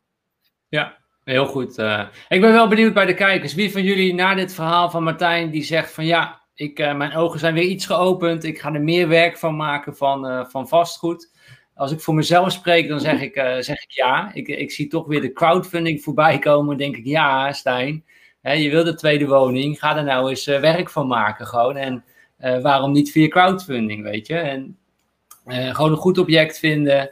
we hebben veel volgers op sociale media. Het platform crowdfunding heeft al een eigen bereik. We moeten dat gewoon gefinancierd krijgen, zeg maar. Nou, ik zie Leon, die zegt ook ja, same hier. Dus die wil er ook voor gaan. Ehm, nou, jullie, zoals jullie weten, heeft Martijn ook de Vastgoed Academy opgericht. En meteen met Asje, hè, dan maar de, de, de vraag te stellen inderdaad aan jou Martijn. Uh, wat kost het dan om jou als coach te hebben? Met andere woorden, wat is jouw waarde? kan je daar meer over vertellen? Ja, ik denk dat ook mijn waarde onbetaalbaar kan zijn. Kijk, uiteindelijk moet je het natuurlijk zelf doen. Je moet zelf actie ondernemen. Maar waar ik wel bij kan helpen is bij dat stukje mindset, het geven van de juiste kennis, de juiste tools, de, de juiste uh, omgeving. Ik heb nu gelukkig, en dat vind ik alleen maar heel erg mooi om te zien, uh, studenten van mij die sneller dan ik financieel vrij geworden zijn. Die hebben het in 11 maanden tijd al gedaan, dus niet in 16 maanden zoals ik. En die hebben er geen acht woningen voor nodig gehad, maar uh, slechts drie of vier. En er zit bijvoorbeeld ook een student bij, die jongen is 21 jaar, die is gewoon financieel vrij. Die kan gewoon, als hij het zou willen, kan hij gewoon met, uh, met pensioen. Um, ik doe geen... vrij per maand, dat willen mensen altijd weten. Wat, nou, wat is voor... Financiële vrijheid uh, ligt wat, wat, wat lager. Ik, ik geloof dat het rond de 2000 euro zit. Maar ik heb ook een andere student, uh, die, die, die zit op 3, 3,5. En die, die is ook met uh, drie, vier woningen vrij. Maar heel slim, die heeft gewoon precies in dezelfde straat en dezelfde wijken waar ik zit, heeft die woningen gekocht. En je hoort hem verder niet, maar hij neemt wel keihard actie. En die, die is gewoon financieel vrij. Dus uh, ja, voor de duidelijkheid, ik doe geen één op één mentorship. Ik doe geen één op één coaching, maar ik heb een programma ontwikkeld waar uh, nou, iedereen mee geholpen is en waarin je alle kennis van A tot Z krijgt over hoe je moet beginnen in vastgoed. Hè, welke gemeenten, welke steden zijn wel interessant, welke niet, waar moet je op letten, waarom. Uh, hoe kan je financieren, maar hoe kan je ook creatief financieren? Uh, hoe kan je buiten funda omkopen? En dat is echt mijn allergrootste specialiteit. Daar hebben we het helaas nog niet echt heel erg over gehad. Ik weet niet ja, gaan we het zo nog even over hebben. Um, hoe kan je buiten funda omkopen? Hoe doe je verbouwingen? Hoe bouw je een team? Wet en regelgeving, belastingen. Nou ja, echt alles gewoon wat jij moet weten om te kunnen starten, maar vooral ook om door te kunnen groeien. want veel mensen zie je, die kopen wel het eerste pandje en misschien lukt het tweede ook nog, maar dan komen ze toch weer ja, net, net als jij, Stijn, uh, bij, een, bij een drempel waar ze even doorheen moeten. Ja, hoe ga je dan weer verder? Hoe, hoe zorg je dat je creatief bent? Ja, dus, kijk, voor ons, heel eerlijk, is het gewoon. Kijk, wij moesten in Spanje een huis kopen en dan moet je gewoon 50% cash inleggen. Dat is gewoon als buitenlander.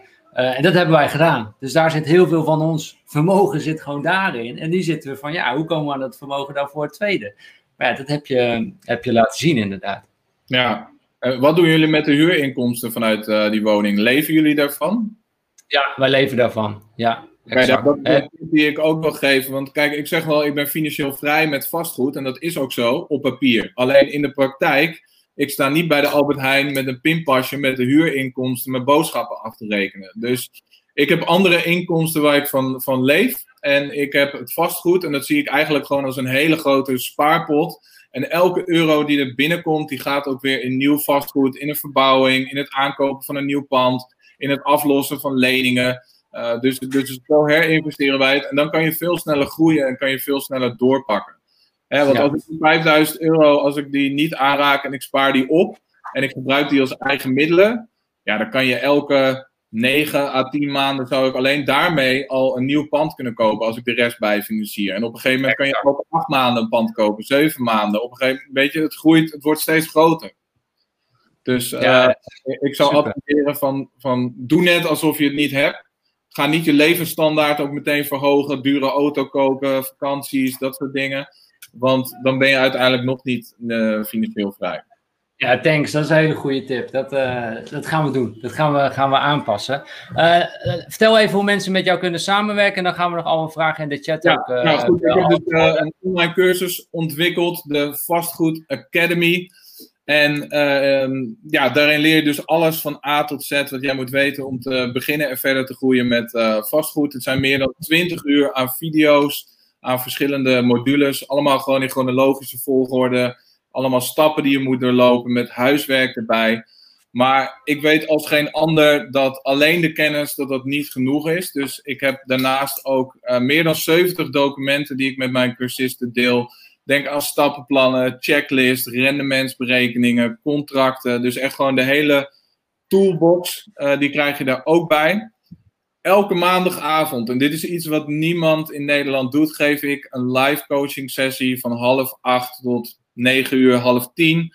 Vaak doe ik dit zelf, maar ik heb heel vaak ook inspirerende gasten op de call. Ik heb Charu Wan al gehad over mindset. Ik heb Vasco Rauw van de Miljonairsclub gehad.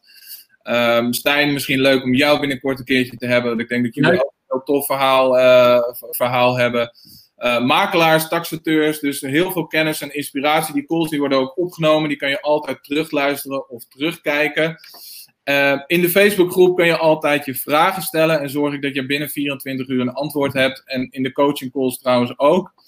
En we komen, want live is alles toch uh, beter. Eens in de twee, drie maanden komen we bij elkaar. En kan je al je vragen stellen aan mij en netwerken met de rest. Dus het is niet alleen de kennis over vastgoed. die lijkt misschien nu heel erg lastig, maar je zal zien dat dat wel meevalt. Alleen het grote succes, dat zit hem vaak in de community van like-minded mensen die allemaal met hetzelfde bezig zijn. We leren elkaar dingen, we helpen elkaar verder. Dus, dus we, we, groeien. Ehm, en we gaan hele mooie dingen doen de komende, de komende paar jaar. Dus uh, ja, als je daar onderdeel van wil zijn, als jij ook een cashflow king of queen wil worden, zo noemen we dat. Um, ja, gebruik de link, meld je aan. Ik heb voor deze live show en voor de Follow Your Wine volgers een speciale aanbieding.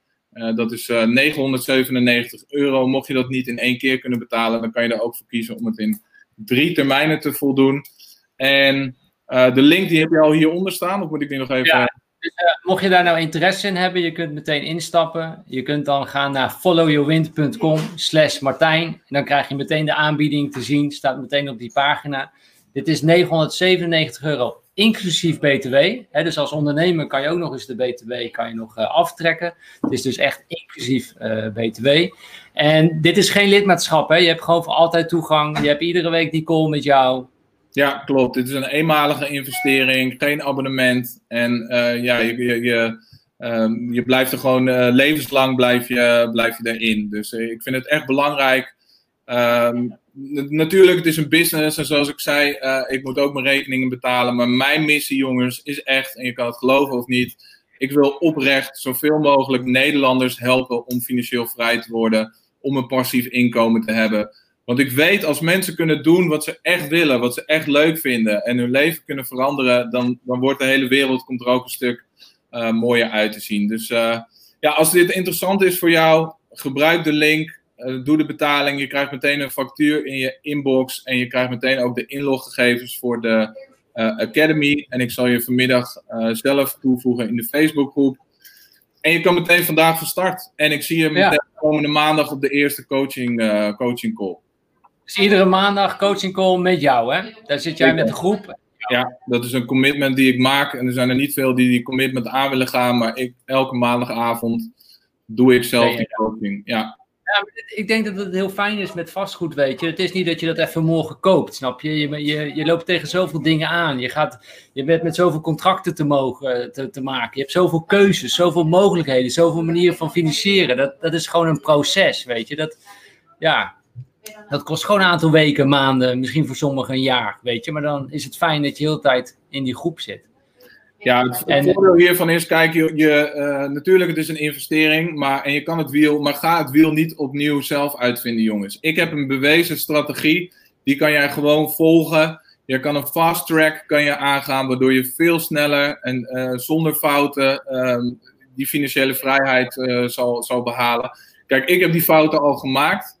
Um, daar heb ik gelukkig niet echt letterlijk de prijs voor betaald. Uiteindelijk zijn die fouten wel goed uitgepakt. Maar ik deel dat met jullie, zodat jullie die fouten niet meer hoeven, hoeven te maken. En uh, ja, weet je, al pas je maar één of twee tips toe van de vele tips die ik jou ga leren, alleen dan al hou je die investering er dubbel en dwars uh, uit. Kijk, stel je voor, ik, ik focus heel erg op de flyer, daar gingen we het zo nog even over hebben. Maar als jij met de flyer vastgoed kan kopen buiten Funda om 20% onder de marktwaarde, of laten we zeggen 20.000 euro onder de marktwaarde, en ik ga jou leren hoe je dat moet doen wat je in de flyer moet zetten, wat niet. En mijn studenten hebben daar echt ook gigantische resultaten mee. Ja, dan is uh, die investering van 997 euro natuurlijk helemaal niks. Yes. Hey Martijn, laten we even kijken naar de chat. Eh, we gaan nu al jullie vragen beantwoorden ook nog in de chat, dus uh, stel ze daar zeker. eentje die ik heb al beloofd om wat eerder te beantwoorden is van Janni. En die vraagt, ben je in gemeenschap van goederen getrouwd? Vind je een interessante vraag. Hoe ja. kijk je daarnaar? ja, ik ben in gemeenschap voor goederen getrouwd en dat heb ik uh, bewust zo gedaan. Kijk, uh, wij bouwen alles samen op en uh, mocht het ooit, en ik, ik, hoop het niet, ik zal het even afkloppen, maar mocht het ooit stuk lopen, dan ja, verdelen we alles ook gewoon weer 50-50. Um, nee, ik vond dat een, een prettig, prettig gevoel. Dus ja, we zijn in gemeenschap van goederen getrouwd. Maar, ja, ik denk, ik denk, dat het persoonlijk ook voor iedereen is, inderdaad. Dus wat als je gaat scheiden is het 50-50. Ja, precies. Zelfs dan kan je natuurlijk dat, ja, ja. Maar goed, uh, ja, misschien de laatste tijd dat, dat ik wat meer inbreng. Maar mijn vrouw heeft aan het begin van onze relatie, toen uh, had zij een veel betere positie financieel dan ik. Uh, heeft zij heel veel ingebracht. En ja, goed. Ja. ja. Andere vraag van Ron: Is vastgoed investeren ook mogelijk als je een BKR-registratie hebt? Interessante vraag, denk ik. Ja, zeker interessante vraag. En ik heb hem de laatste tijd ook wel wat, wat, wat vaker gekregen. Um, ja, sowieso niet mooi natuurlijk om een BKR-registratie te hebben, maar dat kan de beste overkomen. Want soms is het ook zo dat je, uh, ja, zelfs als je telefoonabonnement voor één maand of zo niet uh, betaald hebt, dat je al een BKR-registratie aan je broek krijgt. Uh, het hangt er een beetje vanaf welke gradatie het is. Uh, je kan bij BKR trouwens, kan je altijd kijken. Eerst was dat betaald, maar nu is het geloof ik gratis kan je even kijken of je een BKR-registratie hebt of niet en, en, in welke gradatie. Dus, dus misschien interessant en goed voor iedereen om even te kijken, even uit te zoeken. Um, ja, het hangt van de, van de situatie af, voor zover ik uh, begrepen heb. Um, kijk, hypotheekverstrekkers die zijn er uiteraard niet blij mee. De ene zal er misschien wat zwaarder aan wegen of op toetsen dat, uh, dan uh, de ander. Misschien dat het je leencapaciteit iets beïnvloedt. Um, ook dan ga gewoon kijken wat er wel mogelijk is. En wees misschien wat creatiever. Misschien dat uh, uh, crowdfunding dat het niet gecheckt wordt. Of dat je een JV-deal kan je wel doen bijvoorbeeld. Of een, of een onderhandse lening. Dus um, ja, denk in mogelijkheden. Ja, binnen de situatie die, uh, die jij hebt. Als je een BKR-toets of ja, registratie hebt, probeer daar wel zo snel mogelijk van, van af te zijn. En hetzelfde geldt voor uh, slechte schulden. Hè? Dus die, die, die studieschuld ook bijvoorbeeld, die heeft echt een flinke impact. Als je een eigen huis wil kopen, uh, dan betaal je 2,2 uh, keer de studieschuld, kan jij minder lenen al. Dus, dus ja, ja kijk Zo snel mogelijk die slechte schulden gewoon wegwerken. Dat is, ja, dat, dat is ook dan belangrijk, ja. En, ja, en dus met. Uh, tegelijk doen. Dus ga niet alleen focussen op schulden en die aflossen. Maar begin tegelijkertijd ook wel met dingen opbouwen. Want dat is ook leuker en motiverender. Maar doe dat wel uh, ja, uh, tegelijk. Ja, ja mooi. Um, eens even kijken. Oh ja, nu ik, alle kijkers die er nu nog zijn, goed dat jullie vol hebben gehouden en hier nog steeds zijn. Want nu gaan we Martijn's trademark gaan we, gaan we blootleggen. Uh, want jij hebt heel veel panden, heb jij echt onder de marktprijs heb jij gekocht. Voor, hoeveel, voor hoeveel procent onder de marktprijs heb jij een aantal panden kunnen kopen? Want weet je, verdient het gewoon bij de inkoop al, hè? Ja, dat is een hele mooie. Hè? Uh, je, je, je verdient je, je geld, of je, je winst maak je wanneer je koopt, niet wanneer je verkoopt. Um, en dat, dat is ook echt zo. Het betaalt zich niet meteen uit, hè, want je hebt het niet altijd, want het zit in het pand. Maar als jij het ooit wel verkoopt, dan, dan zie je het wel. Of als jij het gaat herfinancieren, dan kan je daar wel wat mee. Um, ja, klopt. Uh, ik ga het niet helemaal blootleggen, maar voor ja, de methode die ik heel succesvol gebruik en mijn cursisten ook. Uh, en ik zie de vraag nu ook van Jurgen, hoe zoek en vind jij panden als je geen funda, funda gebruikt? Kijk, iedereen die denkt altijd dat, dat Funda, dat daar al het vastgoed verkocht wordt. Maar dat is niet zo. Ik wil niet zeggen dat de kruimels naar Funda gaan, maar je kan wel van me aannemen dat heel veel vastgoed al voor Funda uit verkocht is. Mijn eigen woonhuis heb ik ook zonder makelaar, zonder dat het op Funda stond, heb ik dat uh, gekocht. En waar wij eigenlijk naar op zoek zijn, dat zijn zogeheten gemotiveerde verkopers. En misschien om het even interactief te maken uh, voor de kijkers, wanneer is een verkoper gemotiveerd? Typ dat even in de chat. Wat voor situatie zou een verkoper dan inzitten om ja, niet via Funda, niet via een makelaar aan ons te willen verkopen? Ja, ik ja, goede vraag. Niet zien, maar... Waarom, wat voor situatie dat hij graag van zijn huis af wil, zeg maar. En ik denk dat er uh, nou, genoeg ja, situaties. Of wil of er vanaf, er vanaf moet. Hè. Het zijn vaak ja, helaas uh, stresssituaties voor mensen. Ja, ik heb wel 30 redenen waar iemand in kan uh, zitten om, om niet via de makelaar of funda te kunnen verkopen. Nou ja, en ik denk ook belangrijk om te beseffen dat diegene, als het snel wordt verkocht, er ook heel blij mee is. Hè? Dat is.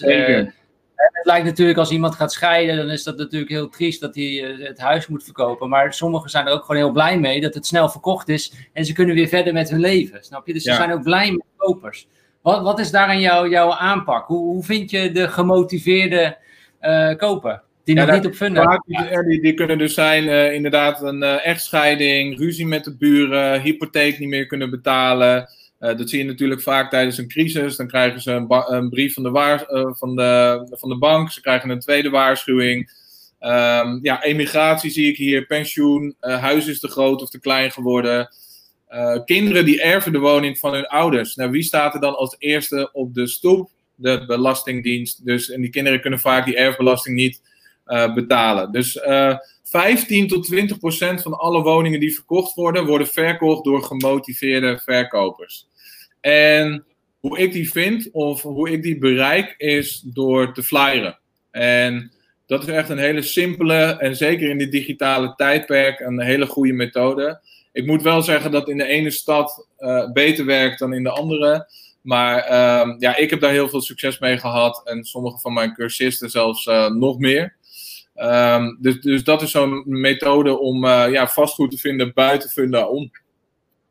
Gewoon heel simpel, een briefje en je gaat gewoon huis aan huis. Stop je die gewoon in een wijk waarvan jij denkt, daar wil ik iets kopen. Ga je gewoon bij, iedereen in de deur gooi je dat gewoon. Dus dit...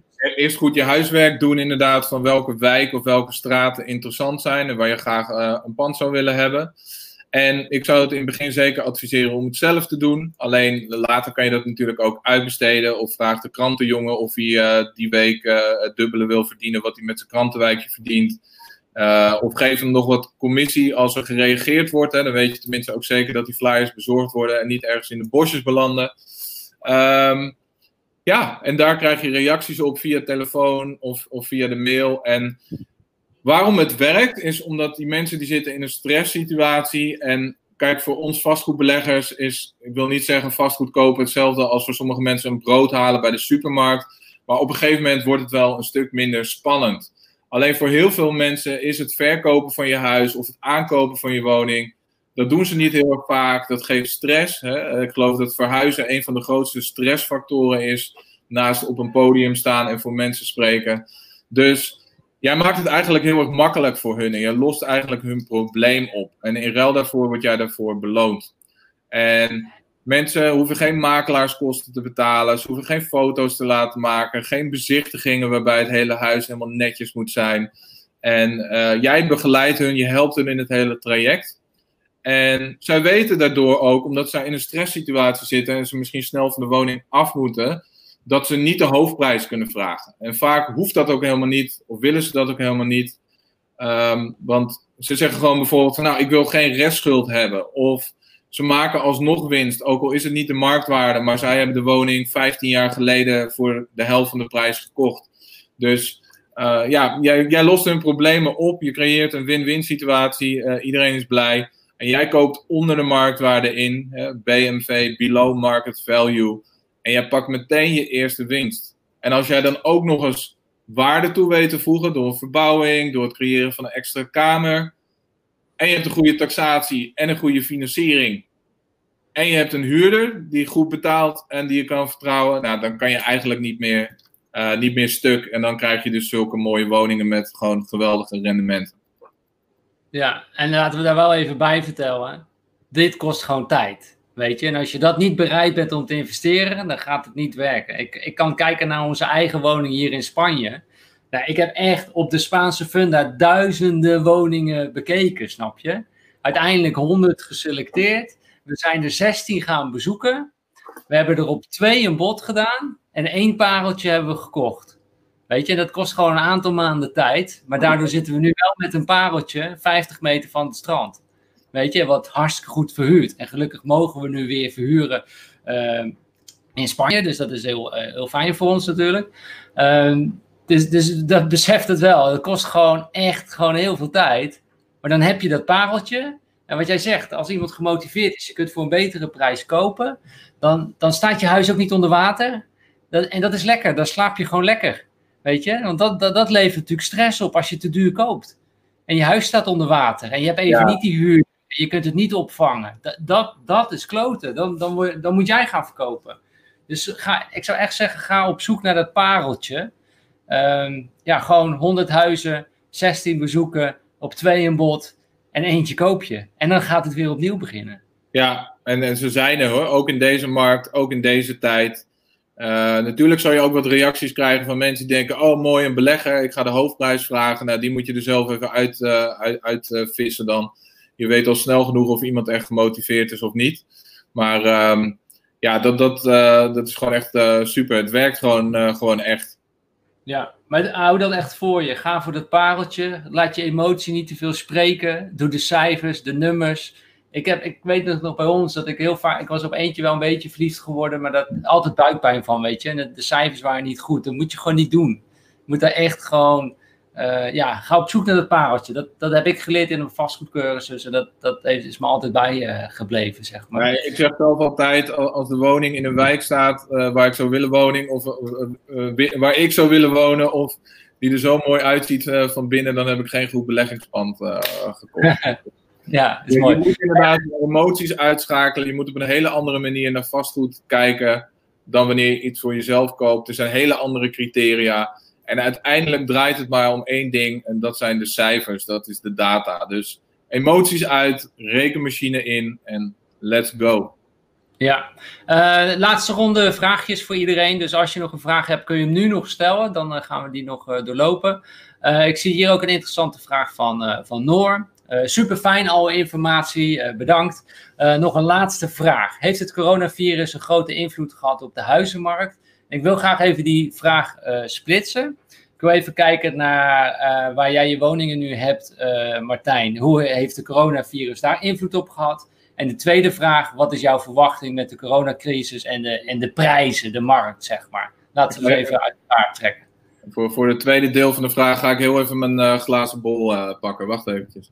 Ja, goed zo, goed zo. Nee, maar, uh, heeft invloed gehad? jazeker. vooral bij het verhuurgedeelte.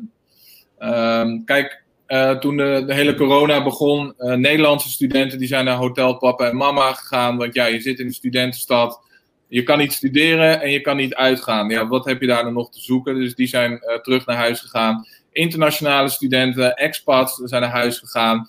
Heel veel arbeidsmigranten, die wilden graag naar hun familie toe, logisch. Maar ook ja. de uitzendbranche, die had wel, ja, die krijgen als eerste te maken met dat er gewoon minder projecten zijn, dat er minder werk is.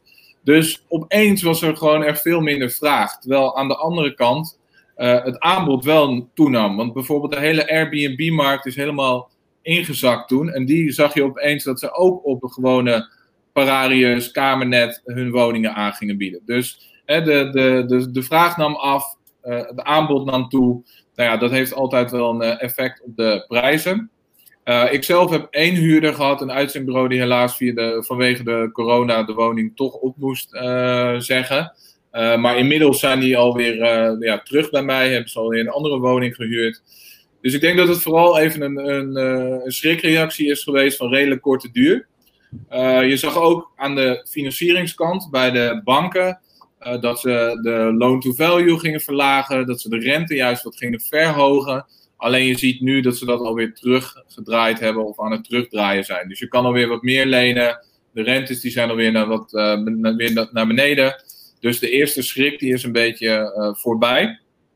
Um, en Martijn, wat ik denk ook slim is, is gewoon om te zien van hey, waarin wil ik een vastgoedportefeuille uh, opbouwen, weet je, wie zijn mijn huurders, dat je gaat kijken, ja, ik kan op studenten zitten, ik kan op arbeidsmigranten zitten, via het uitzendbureau dan, uh, maar ik kan ook gewoon op gezinnen zitten of op stellen zitten. Wellicht wil je daar nu ook, is daar het lampje ook bij jou wellicht ook aangegaan van hé, hey, dat moet ik gewoon meer spreiden. He, want de, de stellen en de gezinnen, ja, die hebben gewoon nog steeds die woning nodig. Die moesten dat doorbetalen. Jazeker, en dat, hè, kijk, dat is ook het mooie aan vastgoed, jongens. Crisis of geen crisis, mensen hebben altijd een dak boven hun uh, hoofd nodig. Dus ook tijdens een crisis. Uh, natuurlijk uh, kan een crisis wat invloed hebben, misschien op de, op, de, op de prijzen. Maar als jij een pand hebt wat er goed uitziet, wat op een goede locatie is, dan zal je dat altijd weten te verhuren. Moet je er misschien wat meer moeite voor doen nu om een huurder te zoeken? Ja, Weet je, er zijn tijden geweest, net zoals met het verkopen van een woning, dat gaat nu nog heel makkelijk. Je zet het gewoon op Funda en uh, de telefoon die staat roodgloeiend bij de makelaar en de woning is zo verkocht. Um, zo ging het ook vaak bij het verhuren. En je zal nu toch wel wat, wat creatiever moeten zijn en wat meer dingen moeten doen dan het alleen ergens online gooien. Ehm, maar zet gewoon twee stapjes meer, weet je wel. Als de, als de markt, de markt die zal veranderen. En vastgoed is gewoon ondernemen. Jij moet gewoon actie ondernemen. Je moet je aanpassen aan, aan de situatie. Uh, je moet gewoon, als iemand uh, een paar stappen zet, dan zet jij een paar stappen harder. Uh, maar op de lange termijn, ja, kijk, ik heb geen glazen bol, maar ik verwacht niet dat corona, in ieder geval als je kijkt nu naar de huizenprijzen, dat het een heel groot effect zal hebben. En natuurlijk komt er een nieuwe crisis aan. Het duurt eigenlijk al veel te lang uh, dat we in een crisis gekomen zijn. Dus er gaat ongetwijfeld de komende jaren uh, een marktcorrectie uh, komen en zullen de prijzen wat gaan dalen. In principe maakt dat helemaal niet uit. Ik bedoel, wij hebben dat vastgoed voor de lange termijn. We hebben het voor de cashflow. Um, zolang je niet verkoopt, is het geen winst. Zolang je niet verkoopt tijdens een crisis, is het ook geen verlies. Dus hou die woning gewoon aan. Zorg dat je goed rendement hebt. Uiteraard dat je geen leegstand hebt. Dat is wel heel belangrijk. Dat jij je rekeningen gewoon kan blijven betalen. En dan hoef jij je in principe nergens druk over uh, te maken. Maar ga niet op die crisis wachten. Ga niet proberen om de markt te timen. time in the market is more important than timing the market. Als je 20 jaar geleden geen vastgoed gekocht hebt, koop het vandaag. Want iedereen gaat het perfecte moment afwachten. Maar je zal zien, jongens, tijdens een crisis, je krijgt geen geld. En nu, ja, de prijzen zijn misschien wat hoger, maar dat zeiden ze 20 jaar geleden ook. Hè? Op, de, op de lange termijn, over 20 jaar, lachen we waarschijnlijk om de prijzen die we nu betalen voor vastgoed. Maar je zult zien tijdens een crisis, als er nog geld is, dan gaat het naar de bestaande klanten, naar die al een track record hebben, die al een portefeuille hebben. Als jij dan aankomt als groentje en je zegt: Hé, hey, uh, ik denk dat het nu een goede tijd is om vastgoed in te gaan, kan ik wat geld lenen? Forget about it. Dus uh, dan moet je de hele crisis moet je gaan uitzitten. Moet je gaan wachten totdat jij eindelijk met vastgoed kan beginnen. Dus als je in vastgoed wil, echt jongens, gewoon starten. Gewoon doen. Wat een, wat een goed inzicht. Dan zijn de prijzen wel laag, maar je krijgt geen geld. Fuck. Ja, zo was het tijdens de ja. laatste crisis ook. Hè. Er was toen heel veel aanbod. Goede deals lagen echt voor het oprapen. Ik zou willen dat ik toen wat meer uh, kennis had. Dat ik toen al met vastgoed bezig was. Dat ik, dat ik een grote zak geld had. Want dat kan je wel doen natuurlijk tijdens een crisis, is extra bijkopen. En zorgen dat jij gewoon in de startblokken staat om van de situatie gebruik te maken. Maar niet als je gaat, gaat wachten om te beginnen en je eerste pandje uh, te kopen. Dus elke, elke markt heeft zijn voor- en nadelen. Jij moet gewoon, maar er valt altijd geld te verdienen. Jij moet gewoon uh, optimaal gebruik maken van de omstandigheden zoals die op dat moment zijn. Ja, en dus weer je berekening maken. Daar, daar, daar draait het altijd weer, uh, ja. weer om. Uh, Martijn, er was nog een vraag van uh. En dat is hoe jij kijkt naar het flippen van huizen. Dus een huis kopen, opknappen en weer snel verkopen. Uh, heb je dat wel eens gedaan en wat is jouw gedachte daarover? Nou ja, we hebben het een paar keer indirect gedaan. Mijn vrouw heeft het eigenlijk gedaan, als we er nu naar, naar terugkijken, dat ze een hele afgedrachte woning gekocht heeft. Hem helemaal heeft verbouwd en er toen zelf gewoond heeft. En hem maar vervolgens wel binnen zeven jaar tijd de waarde verdubbeld heeft. En we hebben dat huis van mijn vader dus uh, opgeknapt en, en, verkocht, want het waren niet echte flips. En ik heb één keer een fout gemaakt, hè, want ik, ik heb ook fouten gemaakt, uh, waardoor we de woning echt niet in de vrije sector kregen en waardoor we besloten hebben om hem uh, maar te, te flippen. Nou ja, dat was een foutje die ons 20.000 euro opgeleverd heeft. Prima. Ja, dat is weer een goed verhaal natuurlijk. Ja. Hebben jullie dus een woning gekocht en die, uh, die, die kon je niet in de vrije sector verhuren? Die, uh... Ik ga voor de, voor, de, voor, de, voor de cashflow. En ik heb liever elke maand een lekker gekookt eitje dan één keer een kip. Zo moet je het gewoon zien. En dus ik heb nooit woningen bewust aangekocht met het doel om ze te flippen. Uh, misschien dat ik dat wel ga doen in de toekomst. Het is wel een mooie strategie als je buy to let doet, hè, vastgoed aankopen voor de lange termijn verhuur. En je doet af en toe ook een flip dan kan je met die flip natuurlijk heel snel wat geld maken, wat je weer als eigen middelen kan gebruiken om dat andere pand voor de lange termijn aan te houden. Alleen, ja, het gaat mij echt om de cashflow elke maand. Um, als er één ding is wat ik op dit moment lastig vind, is het om goede, betrouwbare, betaalbare mensen te vinden voor het doen van zo'n verbouwing. En alles bij een flip staat of valt met je planning en een budget voor de verbouwing. Duurt het te lang? ga je over je budget heen, dan wordt jouw winst die wordt steeds lager en lager. Uh, als je er veel eigen geld in hebt zitten en je verkoopt hem niet, dan zit je geld vast, kan je niet verder. Dus um, ja, ik heb het wel eens gedaan, onbewust. Uh, ik ga het misschien in de toekomst ook wel bewust doen en die twee strategieën combineren. Zou ik ermee starten? Nee, ik zou gewoon een simpel beleggingspandje kopen, wat gewoon redelijk makkelijk uh, turnkey is, waar je geen grote verbouwing aan hoeft te doen, die gewoon meteen cashflow oplevert, uh, verhuurd is. Goed voor je motivatie, hè, want anders dan denk je, oh dat vastgoed is veel te lastig, moeilijk, ik vind het niet leuk, is niks voor mij. Um, en ga dan in de toekomst misschien eens aan grote projecten denken, verbouwingen, flips en dat soort dingen. Ja, goed, uh, goed antwoord. Kijkers, ik ben benieuwd wat uh, van jullie van deze live show. Laat het even weten als een uh, reactie. Martijn, super bedankt voor, ja, voor je tijd en al je inzichten die je met ons hebt gedeeld. Het heeft mij in ieder geval weer extreem gemotiveerd om er gewoon meer werk van te, te maken. zeker ook in Nederland. Mijn, mijn, mijn, mijn verschuiving is echt wel naar Nederland gegaan in plaats van, van Spanje. Ja. Dus ja, ik, uh, ik, uh, ja, dankjewel daarvoor. Dankjewel voor de, voor de motivatie, voor de inzichten. En, ja, ook, ook bedankt. En ja, goed, weet je, ik waardeer ieder zijn tijd heel erg. Dus ik wil graag ook iedereen die gekeken heeft hartelijk bedanken dat ze erbij waren. Ik hoop dat ik nou ja, in de redelijk korte tijd, het is natuurlijk te kort om alles te leren of alles te delen. Maar ik denk dat we heel veel waarde en inzichten gedeeld hebben. Ja, en mochten mensen nou enthousiast geworden zijn en hier echt mee verder uh, willen, echt vastgoed in willen gaan en een goede basis willen hebben om hun uh, portefeuille op uh, te bouwen, dan zie ik je heel erg graag bij de, de Vastgoed Academy. De actie is vandaag nog, nog geldig, dus maak daar gebruik van. 997 euro of in drie termijnen. En uh, ja, ik zeg uh, let's go en uh, ja, laten we vastgoed gaan kopen en, en verhuren. En zorgen dat er zoveel mogelijk mensen financieel vrij worden en een mooi passief inkomen hebben. Ja, nou, ik zie ook meteen hele mooie reacties binnenkomen van, van, van Ruben. Ook super bedankt heren, goed voor mijn mindset en inspiratie. Astrid zegt ook interessant, bedankt voor het delen van je verhaal. Duimpje omhoog van, van Asje sowieso vinden we dat heel erg leuk. Hè? Als jullie jullie duimpje ook uh, onder de video, ik laat het nog eventjes uh, zien. Oh, daar zit er iets, uh, iets, iets voor. maar hier, je kan er zit er nog iets voor. maar onder de YouTube-video kun je je duimpje geven natuurlijk. super tof als jullie dat willen, willen doen. Dat waarderen we echt enorm. Is ook, ook motiverend voor ons. Denise die zegt ook super bedankt. Edwin Denise zegt ook uh, Ruben zegt ook bedankt, Nicole. Ron die zegt ook, het was weer erg waardevol. Dank je Martijn en Stijn. En Nicole, bedankt voor het, uh, voor het organiseren. Ferry geeft nog een duimpje. Geef ook even een duimpje onder deze video. Verspreid ook deze video. Daar maak je ons ook weer uh, enorm blij mee natuurlijk. Volgende week, iedere vrijdag om 12 uur is er natuurlijk een live show. Volgende week is er ook weer een, een live show. En we hebben speciaal iemand voor jullie uh, uitgenodigd. Hij is uh, YouTuber, heeft inmiddels uh, 13.000 abonnees.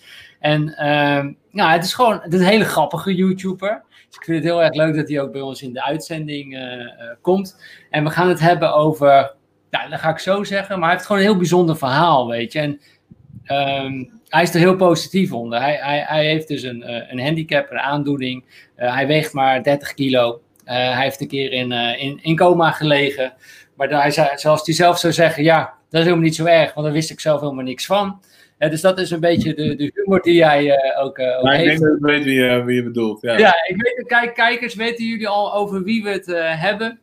hij heeft een beperkte, ja, hij moet iedere dag aan de, aan de zuurstof, aan een apparaat. Komt via zijn keel, komt het binnen. Maar ondanks al die handicap die hij die, eh, die, die heeft, is hij zo positief, zo grappig en actief op, eh, op YouTube. En eh, hij is ook niet op zijn achterhoofd gevallen. hij, hij doet beleggen. Hij, hij, doet beleggen in, in Tesla, in Apple, in Bitcoin. En daar gaan we het natuurlijk over hebben, hoe hij daar naar kijkt. we gaan het ook hebben over hoe hij geld voor hem laat werken. En uh, hoe hij gewoon mentaal met zijn uh, handicap ook omgaat. Hoe hij uh, positief daarin blijft. Nou, over wie hebben we het dan? We hebben het dan over Percy Tienhoven.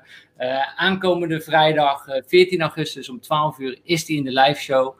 Je kunt je al direct aanmelden. Ik heb de link hier al gezet. followyourwind.com slash liveshow Percy.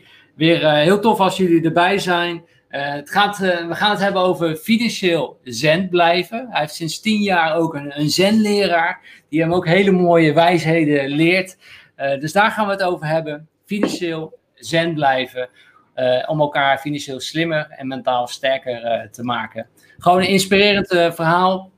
En het zouden we heel erg leuk vinden als jullie er ook weer bij zijn. Natuurlijk gebruiken we dan ook weer de live chat. Jullie kunnen vragen aan Percy stellen. En we gaan weer zoveel mogelijk waarde voor jullie genereren. En ik zie dat ook als reactie. Echt waardevolle live chat. Heeft mij geïnspireerd door te gaan. Jullie deelden eerlijk alle kennis. Top van jullie. Uh, dankjewel voor het delen. Geen geheimen jongens. Gewoon open en eerlijk. Gewoon jezelf zijn. Ja. Maar inspiratie is leuk. Motivatie is leuk. Maar uiteindelijk, de law of attraction. Het gaat om de law of action. Gewoon nu actie ondernemen. Gewoon doen. En uh, ja, je bent het waard. Het is mogelijk. Dus, dus ga gewoon actie ondernemen. Alleen daarmee ga je je doelen uh, behalen. Mooi. En ik zie Karin ook super interessant. Echt super top dat jullie erbij waren. Dus uh, we maken deze show niet alleen. Dit doen we echt samen met jullie. Dus dankjewel dat jullie nou 1 uur en 44 minuten bij zijn gebleven. Toppers zijn jullie. Ja. bij deze gaan we het afsluiten. Martijn blijft nog eventjes hangen. Uh, want je krijgt van ons ook een uh, Follow Your Wind uh, t-shirt. Oh, zal ik je nog even laten, laten zien. dus die gaan we zo nog even uitzoeken. Je kunt uitkiezen tussen een sport-t-shirt of een, een gewoon t-shirt. Een biologisch t-shirt is dat dan. Dus gaan we zo even doen. Sowieso iedereen, als je een warm hart toedraagt aan deze live show, Um, en je wilt ook lid worden van de Follow Your Wind beweging. Voel je vrij om eens te kijken bij onze Follow Your Wind merchandise. Uh, waar, al je, waar je al onze kleding uh, vindt van hoodies, caps, t-shirts, sport-t-shirts voor volwassenen en voor kinderen. Followyourwind.com. Daarmee sponsor je ook meteen weer deze show. Jij als vriend van de show, Martijn, krijgt een t-shirt van, uh, van ons. Um, top. Laten we hiermee afsluiten. Iedereen bedankt voor het, uh, voor het kijken. En tot, mooie zonnige dag. Tot volgende week weer, 12 uur. Tot dan. Ciao, ciao.